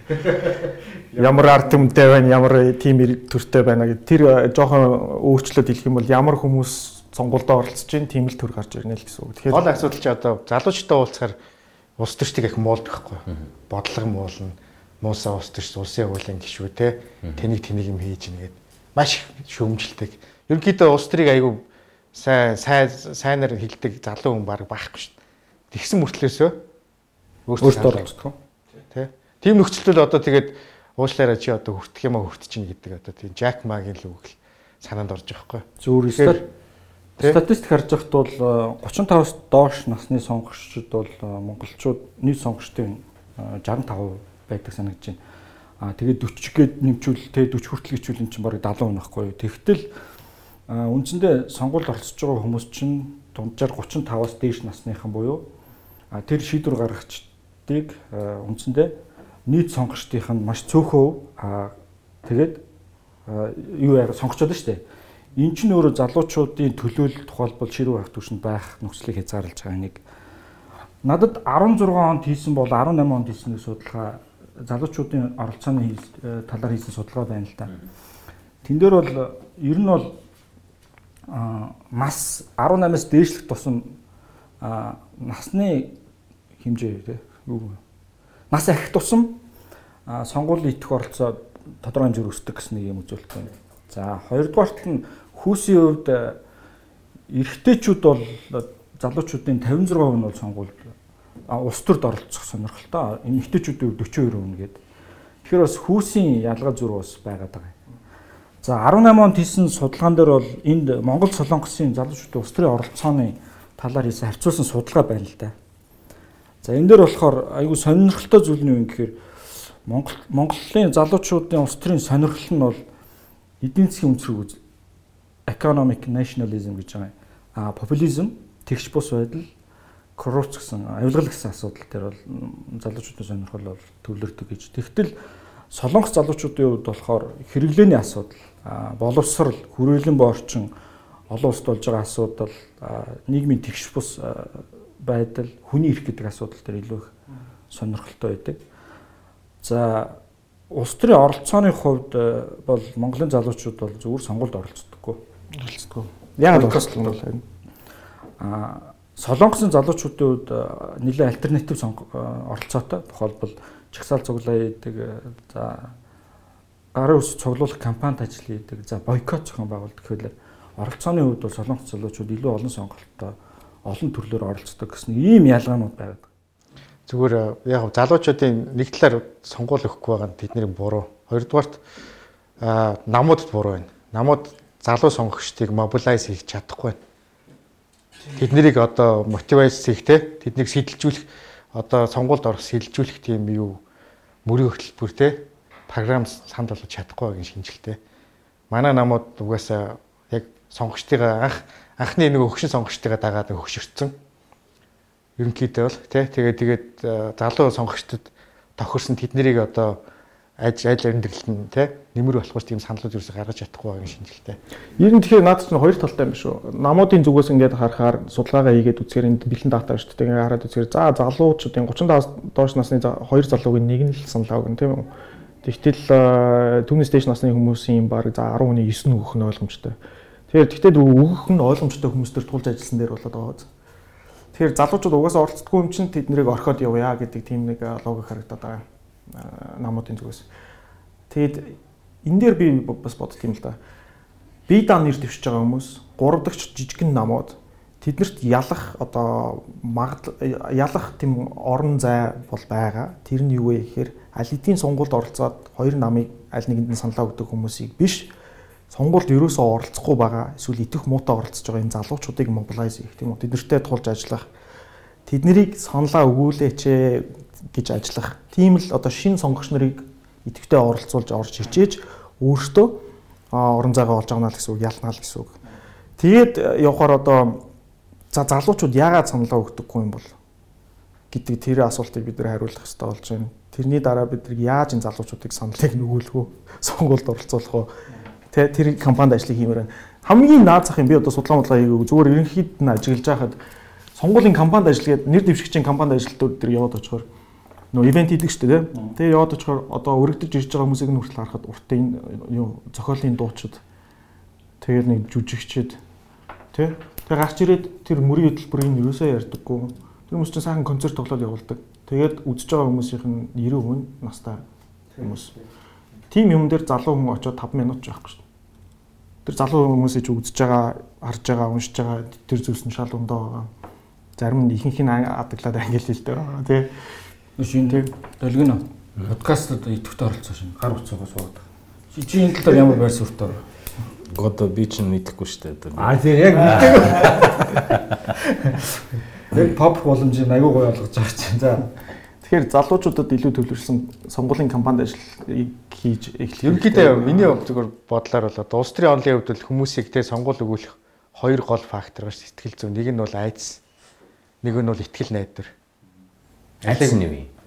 Айс нь гэхэлэр за одоо та нар надад санал өгөхгүй л одоо инглээ уус орж сүрлээ, хужаад эзлэглээ, тэ 30 гэр бүлд ингээд эзлэгчлээ. Болохгүй байна. Одоо сүрэх чинь хизээ мүдгүй ингээд юу яалаа гэдэг тийм айц дээр. Тэ тулгуурлаж хүмүүсийг одоо санал өгүүлж штт. Нөгөөх нь болохоор надад санал өгөх юм бол тэ ийм сайхан ирээдүг байна. Ийм сайхан болох гээд юм тэ бид нар энэ гоё болох гэж байна гэдэг энэ ихтгэл найдвар дээр суурсан. Тэгээ энэ дэр халь төсөөлчнээ айдас гэдэг нь бодол Дональд Трампыг бод ихтгэл найдвар гэхээр Обамаг бодчих тийм. Гэхдээ компанид ажиллаар нэрхээр Обамагийн чинь компанид ажлын чи hope and change гэсэн шүү дээ. Make Make America Great гэх гэж бас ихтгэлээд биш юм уу? Аа. Намайг сонгохгүй бол Mexican зорж ирээд бид тэрийг rape хийгээд алаа туулаад that's build a wall is not not a тий. Хоёрдын төрөө нөгөө нэг нь ихтгэл гэсэн. Тэрийг Нэгдүгээр чи айц гэлээ шүү дээ. Ярьчлаа шүү дээ. Одоо хоёр хоёр дахь. Хоёулаа ярьж байна. Аа за за. Тэгээд залуучууд дээр аль нь илүү ажиллах боломжтой гэж бодож байна. Аль аль нь л ах зүгээр энэ энэ миний өмнөгөө судалгаан дээр бол ингэж байна. Залуу сонгогчдын хувьд өндөр мэдлэг боловсралтай, нэр цэвэр, улс төрийн ёс зүйтэй, шин залуу тийм улс төрчдийг дэмжих сонирхолтой байгаад. Тэгтэл яг нийт нийт дэвшиж байгаа улсын хурл нэр дэвшиж байгаа магадгүй ерөнхийлөгч нэр дэвшиж байгаа хүмүүс маань яг энэний эсрэг үзүүлэлтүүдийг тий бүрэн хангасан 100 хасах 100% хангасан хүмүүс нэр дэвшээд байгаа учраас уучлаарай би зүгээр шаардлага одоо иймэрхүү гэснээс илүүтэйгээр зүгээр нэг л бодит нэг жоохон практик байдлаар харуул зүгээр гэж бодод. Тэртээ тэргүй одоо хөгшин улс төрчид эсвэл улс төрчдийн хоорондын зөрүү хөглөр чинь ихтгэл өнөмшил үнэт зүйл нь л өөр байна гэсэн үг шүү дээ. Тэдний хувьд одоо нөгөө та хэдийн хамгийн сүүл яриад байдаг тэр бүүмрүүд гэдэг бүүмрүүд гэдэг гэдэг яг тэр За тэртээ дөрөв энэ бол нэг 4 жилийн дараа ч юм уу 8 жилийн дараа ингээд аргагүй ихэнд биологийн хувьд бол нөгөөдөл маань солигдоо төгшрөөд ингэхээс өөр аргагүй байна. Солигдохгүй байна. Тэгтээ тэртээ тэргүй өөрчлөгдөх нь ойлгомжтой, үе солигдох нь ойлгомжтой. Тэгтээ заавал залуучуудыг тэр хүртэл хүлээгээд авах хэрэг байгаа мó. Заавалчгүй дахиад 4 жил 8 жил хүлээх хэрэг байгаа мó гэдэг нь л багхгүй. Тэгэхээр хэний төлөө гэж байгаа нь хамаалга. Хамгийн гол нь улс төрийн хувьд оролцоо өндөртэй байх нь чухал юм байна тийм үү. Яагаад тэгэхээр одоо юу гэж байдгийг заавалчгүй тэгэл 4 жилийн дараа 8 жилийн дараа өөрчлөгдөх юм дээр өөрчлөгдөх юм дээр хадгаа дэлгүүгээр одоо л саналаа өгөлдөө. Одоо тэр нь одоо юу гэж байдгийг аль нэг нам байна уу? Эсвэл одоо юу гэж бие даагч байна уу? Эсвэл юу юм тэр нь огтхонч байдлаа байх. Тэр бол ихтгэл өрмөжлийн л асуудал. Чөлөөтэй. А гол нь оролцохгүй учраас таны дуу хоолой чинь үлдэж хоцроод цаана тусагдахгүй байгаа юм шиг гэдэг л байгаа. Тэгээд үнэхээр амьдралдаа юу гэж байдгийг нэг удаа би санал өгч ирсэн шүү. Эсвэл нэг нэг жилэл би улс төрийн хувьд бол маш идэвхтэй нийгмийн хувьд бол маш идэвхтэй байсан шүү гэж бодох бах. А тэгээ тэр нь одоо юу гэж нэг магадгүй 2020 он ч юм уу тэгжил дотроо бодох хэрэгтэй байна. Би одоо тэгжил бодох яг үндэ.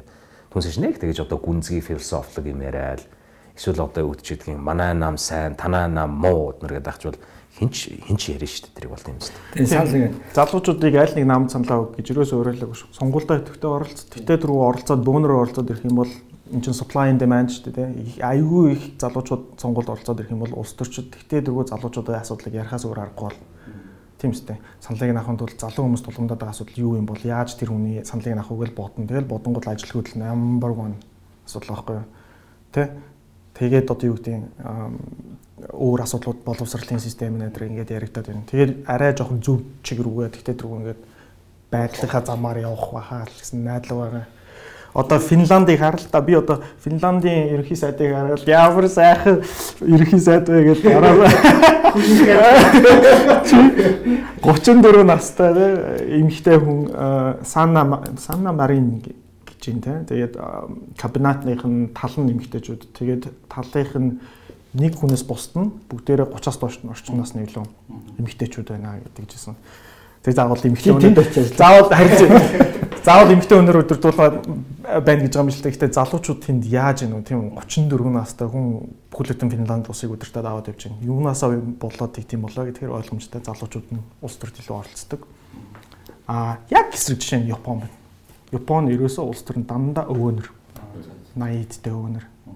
Тэгээ би имээ гэж хэлээгүй шүү дээ. Өвөнөр. Японч одоо 80 гэдэг чинь Монголын төвчтэй л баг адилхан шүү дээ. 100 нас тийм. Гэхдээ яг залуучуудыг ус төржихгүй эсвэл ус төрөөс ангид байх магадгүй эрүүл үзэгдэл байх. Биднээс 20 эдтэй байсан бол нэг тэгээ ус төрж өгөхгүй байх. Асуудлын гол нь юм даа гэхээр яг би бол тухайл бохир хэлээр бол тий залуучуудыг нэг цүнх барайл тий наад гэсэн тийм олон найзууд байна л да. Ингээд ус төрөөс гаргаа ичвал аваачаад загсыг уснаас нь шидсэн юм шиг л бүр ингээд ангалцаад өхөнгөө алддаг тийм залуучууд байна. Тэгээд одоо сошиал медиа дээр өөрсдийнхөө нэр алдрыг одоо айгүй өндөр өндөр тавьчихсан тэрний тэрний тэргүүлэгч даргууд тэгээд Тийм байхыг бол би залуучуудаас хүсэхгүй байна. Тэгэл байнга ус төрж идэг, байнгын ус төрөөр амьдарч идэг тий. Үл залгаж идэг. Эсвэл тэр системээс гаргаа ичгаар амьдарч чадахгүй өөр мэдлэг боловсрал туршлага байхгүй байхыг бол хүсэхгүй байгаа. Гол нь ядаж үзэл суртлын хувь тодорхой баримжаатай улс төрийн нам сонгуулийн талаар тодорхой мэдлэгтэй а тэгээд сонгуулийн хамгийн гол оролцоо болох улс төрийн сонгуульд саналаа өгдөг байх хэрэгтэй. Тэр нь цагаан утас байсан ч хамаа ялгаа байхгүй. Тэгээд зүгээр хувь хүний тооцохор чинь 20 өдөө санал өгсөн залууд бол улсын хурлын сонгуульд нийтдээ амьдралдаа хэдэн удаа санал өгөх боломж байгаа. 10 удаа. Тийм үү лээ? Аа. Тийм байна. 60 хүртэлгээ тооцож л доо. 60 заа. Тий. Гэж ийм цөөхөн удаа амьдралдаа сонголт хийж байгаа энэ нөхцөл төр бол идэвхтэй хамт төстой. Дээр нь тэр шийдвэр гарах түвшинд өөрөө чинь одоо хувийн амьдралтай холбоотой, нийгмийн эдийн засгийн үзүүлэлттэй холбоотой тэр зүйлүүдийг чинь шийдэж байгаа хүмүүс төр саналаа өгөх бол улс төрийн залуучуудын оролцоо хамгийн чухал хэлбэр энэ дэр идэвхтэй гараа л гэж хэлхийг хүсэж байна. За баярлалаа. Аюу гоё байсан. Нэр дэлгчийн сүүлийн 1 минут гэдэг шиг болсон шүү дээ. Мэтгэлцээ аюу гоё хаалсан. Гэхдээ юу Австралид бол заавал өгөх хэрэгтэй шүү дээ хуулиараа. Өгөхгүй бол 100 долларын торгуулах. Тийм. Тийм улсууч байдаг. Тийм учраас бол залуучууд угаасаа өгөхөөс аргагүй байдаг. Угаасаа тэгээ хуулиндаа заасан байдаг. Энэ бас нэг арга байж болох юм бүр арга яцсан арга шүү дээ. Compulsory voting гэх тийм улсууд байдаг л да одоо тэгээд яг л энэ чинь чиний иргэний үүрэг гэж яаж байгаа. Заавал саналаа өгдөг тийм байх. Бодоос үл чи өөрөө сонгуул саналаа өгч ирсэн үү? Би өгж байгаагүй. Яг тэр би аа би гэхдээ жишээ за энийг ярих хэрэг. Яг тэр сонгуульд саналаа өгөх үед дандаа гадаад л таарсан мэт юм. Амар өмөрлөсөн. Яг өгөхэд 20 сая төгрөг авсан байсан чинь тэнцэнээс 30 сая төгрөг. Тэ гадаадд байж таарсан. Тэр нь бол билийн excuse. Гэтэ яг зүгээр за цэвэр зүгээр abstract маягаар debate хийх юм бол хүн тухайн нэг хүний тэ individual нэг хүний саналаа өгөх өгөхгүй байх нь илүү rational гэдэг тийм argument байдаг. Энийг бол цэвэр эдийн засгийн юугаар rational voting system гэдэг үндслээр гаргаж ирээд тайлбарладаг л да. Тэгээд бас тийм сууртал аргумент тий за тэр мэрийг бол би яриад яг миний хувийн бодол юу гэж боддог байх бол нэг өөр а би бас нийгэм улс төрийн их онл ярихтаа айгүй монд өөрийгөө ярихаар Гэхдээ одоо эн чинь амар хоёр нүт болчих шүү дээ. Залуучуудаа яв саналаа өгөө, улс төр идэвхтэй оролцоо. А би бол гэртээ үлднэ. Ягаад гэвэл би саналаа өгөөд угаасаа ямар ч нөлөө байхгүй гэд ярих юм бол ойлгомжгүй үстэй тий. Тэрийг тайлбарлая гэх тэгэхээр өчнөө юм болох учраас би зүгээр энд За би чиний юмээс маш товчхон тайлбарлаад байгаа. Тэгэхээр чам тохиолж байгаа Монголын ихэнх залуучууд тохиолж байгаа байхгүй. Тэрний өгөхлөр нөгөө одоо төрөө төрөө ирлээ шүү дээ. Нэг бол айдас, нэг бол итгэл найдвар дээр тоглох шүү дээ. А одоо тохиолж байгаа ихэнх одоо учирч байгаа гол проблем нь гэхээр яг гараад дугуулчих ихлээрэ олигтой нэр дэвшиж байхгүй байгаа залуучуудын гол проблем байх шиг тийм үү?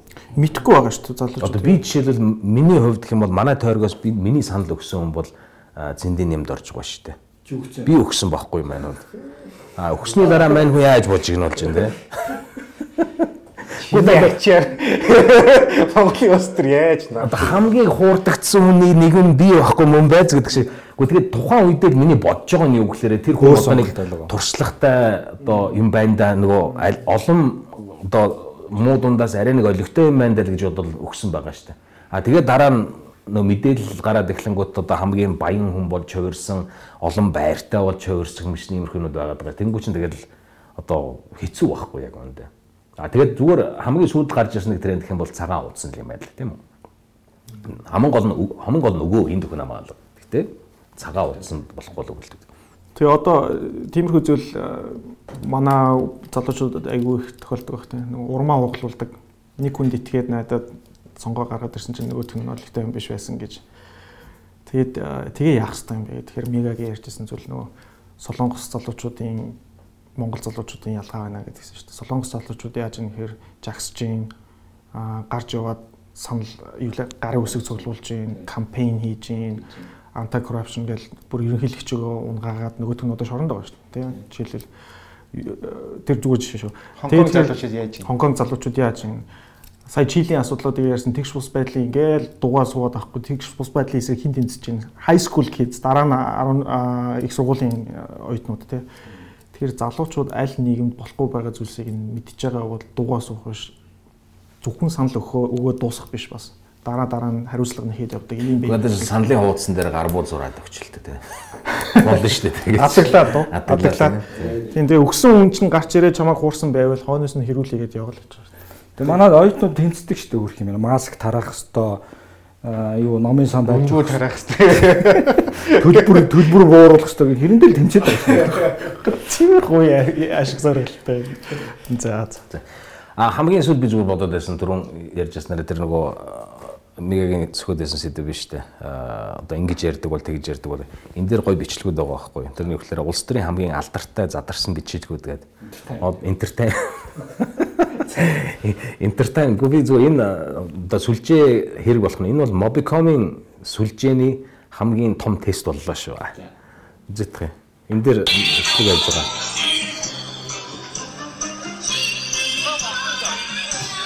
Хятад дуу явж байгаа юм минут 30 секундын бичлэг байна. Энийг сонсоод байлаа. Хоосон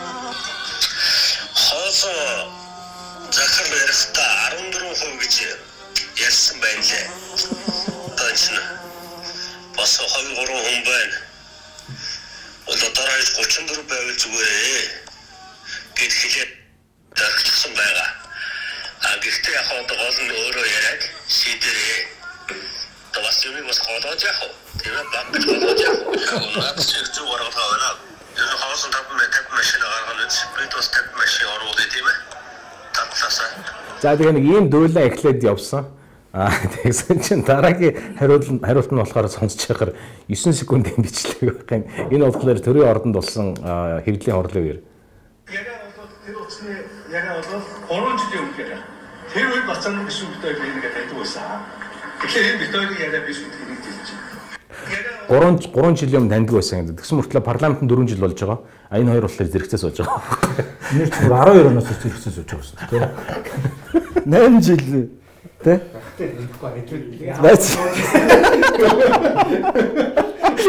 нэг хажууд нэг Тэр зүгээр гол нь болохоор хүмүүс ингээд нөгөө за яг хуу санамж айгүй муу болцсон байгааг ойлгож байгаа. Гэхдээ арайч бас нэг ингэж хүмүүсийг домжиж болохгүй. Энэ дээр бас нэг гоё бичлэг хэлээ. Энийг энийг хэдүүлээс бас нэг хэдийн нэг 59 секундын бичлэг. Хүүхэд дахь эрхээ консул Мөнх Эрдэнэ ярьснаар тэрээр Батцандан гишүүнтэй 10 орчим жил найзлаж яваагаа хэлсэн. Харин Улсын их хурлын гишүүн Батцандан Хүүхэд дахь эрхээ консул байсан Мөнх Эрдэнэийг таних ч үгүй гэж хэлж байна. Би тэр хүнийг танихгүй. Би тэр хүнийг танихгүй. Би тэр хүнийг танихгүй. Энэ консулда асан тавдаг байна гэсэн. Аа бид нар сайн байна уу? Найс найстай гайлгаж. Хамтунтайгаа яриад байгаа шүү. Тэ. Найстай чи нөгөө Зандуурсан байхгүй. Өвөр Монголын эмч залуугийн нэрийг хэлдэг би нэрийг мартчих. Намайг үзүүлдэг дагуулж явдаг нөгөө эмч залуу маань хэм бижээ. Найс нөө. Вайбер WeChat холбоотой хэдийн юм асуух.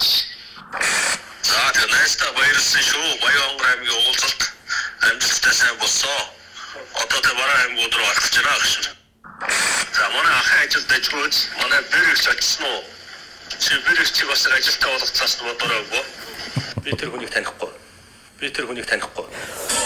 За ингээд иймэрхүү зүгээр энэ дээрээс би Наа чи юуг нь явуулахгүйсэн. Үхэл дээр гээд нэг өчсөн биш үү те. Үхсэн мэн дээр. Тэр баг тэгчмээр л ганцтай юм биш. Гэхдээ энэ э, voice messaging гэж явуулдаг ч одоо айгүй Шээ нөгөө бөөмөр байгаа ч гэдэг. Залуучуудаар нэгдэж шүү дээ. Хятадтай хятадд байгаа хүнтэй харьцуулж би и чатаар ярьдаг байхгүй. Бичээс те.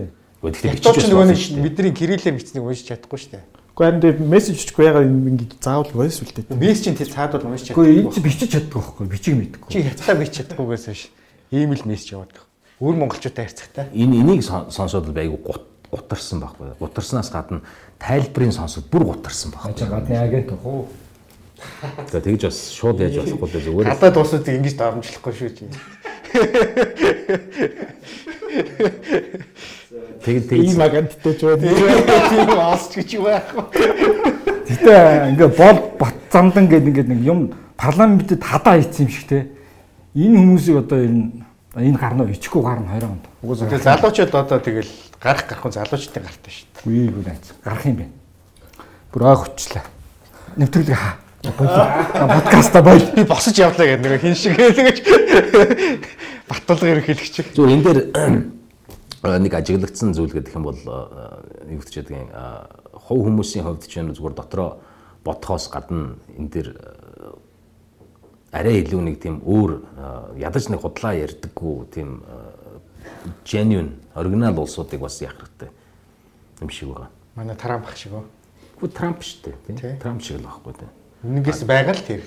Байгаа л Сэтгэлээсээ л тэгэл. Сэтгэлээсээ л тэр тийм. Тэмдэж. Манайс тийм ориг хүмүүс сонгож байгаа шүү дээ. Эхлээл сонгохоос өмнө айгүй гой шудраг дүр бүтээжсэн гарсан байна тэгээд зүгээр нэг юм муу хуучны оролт байсан шууд хамгийн том өндөр 2 3 тэрбум хаасан дор. Энэ чи байгаа байдал нь л юм шүү дээ. Угаасаа монголчуудын ч Монголын ус төрчдийн нэвтрүүлэг хаяа. Фокцро. За Энэ. За маш товчхон тэгвэл хаалтаа хийдэ. А, За ингээд нэг жилийн а, ойд зориулсан тусгай дугаар маань энэ хүрээд өндөрлж байна. Тэгээд ирэх одоо энэ жилийн үед бол гол таргет юу юм бэ? Яг ямар хөө сэдвүүдээр яаж явах юм? Болцлоо бол улс төрийн Сонгуулийн жил, сонгуулийн жил шүү дээ. Сонгуул болдгороо болно тэгэл дуустгаараа дуусна шүү дээ. Тэгэл хүмүүс Ирчил одоо гол сэдв болно шүү дээ. тэгээ залуучуудыг яаж оролцуулах уу, идэвхжүүлэх үү. Сонгуул болон дараа засгийн газар бүрдэн тий.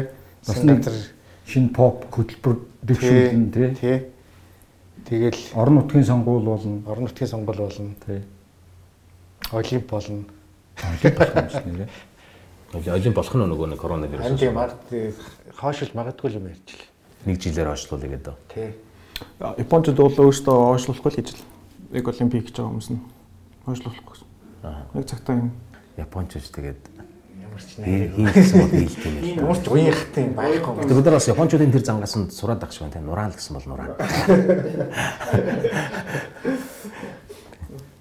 За ингээд оролцсон хостуудаа их баярлалаа. Сонсогчтой маш их баярлалаа. Нэг Яг үнэ жилийн хэлбэл тий. өдий зэрэгт Нойр мөрсөн ч болдгоо те. Тий. сонсолт олонтой явж яах гэж юм бол яг үнэ гэсэн сонсогчдын аа, Нойрыг маш сайн хөргөж байна гэсэн үг тий тий Тийм баг тийм. Ялангуяа тэр мегагийн яриа бол их тийм ховсдолт ихтэй нойрны хувьд маш сайн тийм Бид нар чи өөрсдөө сэдвээс бол нойр хүрдэг учраас кофе уудаг шүү дээ. тэгээд одоо ингээ хэдэн дурак гарс очиад яриад байдаг ер нь бол их сонир логик байхгүй За ингээд энэ хүрээд өндөрлөе баярлалаа тав хүнд За баярлалаа. Баяр та. баярлалаа гэлээ Баярлалаа. Баярлалаа.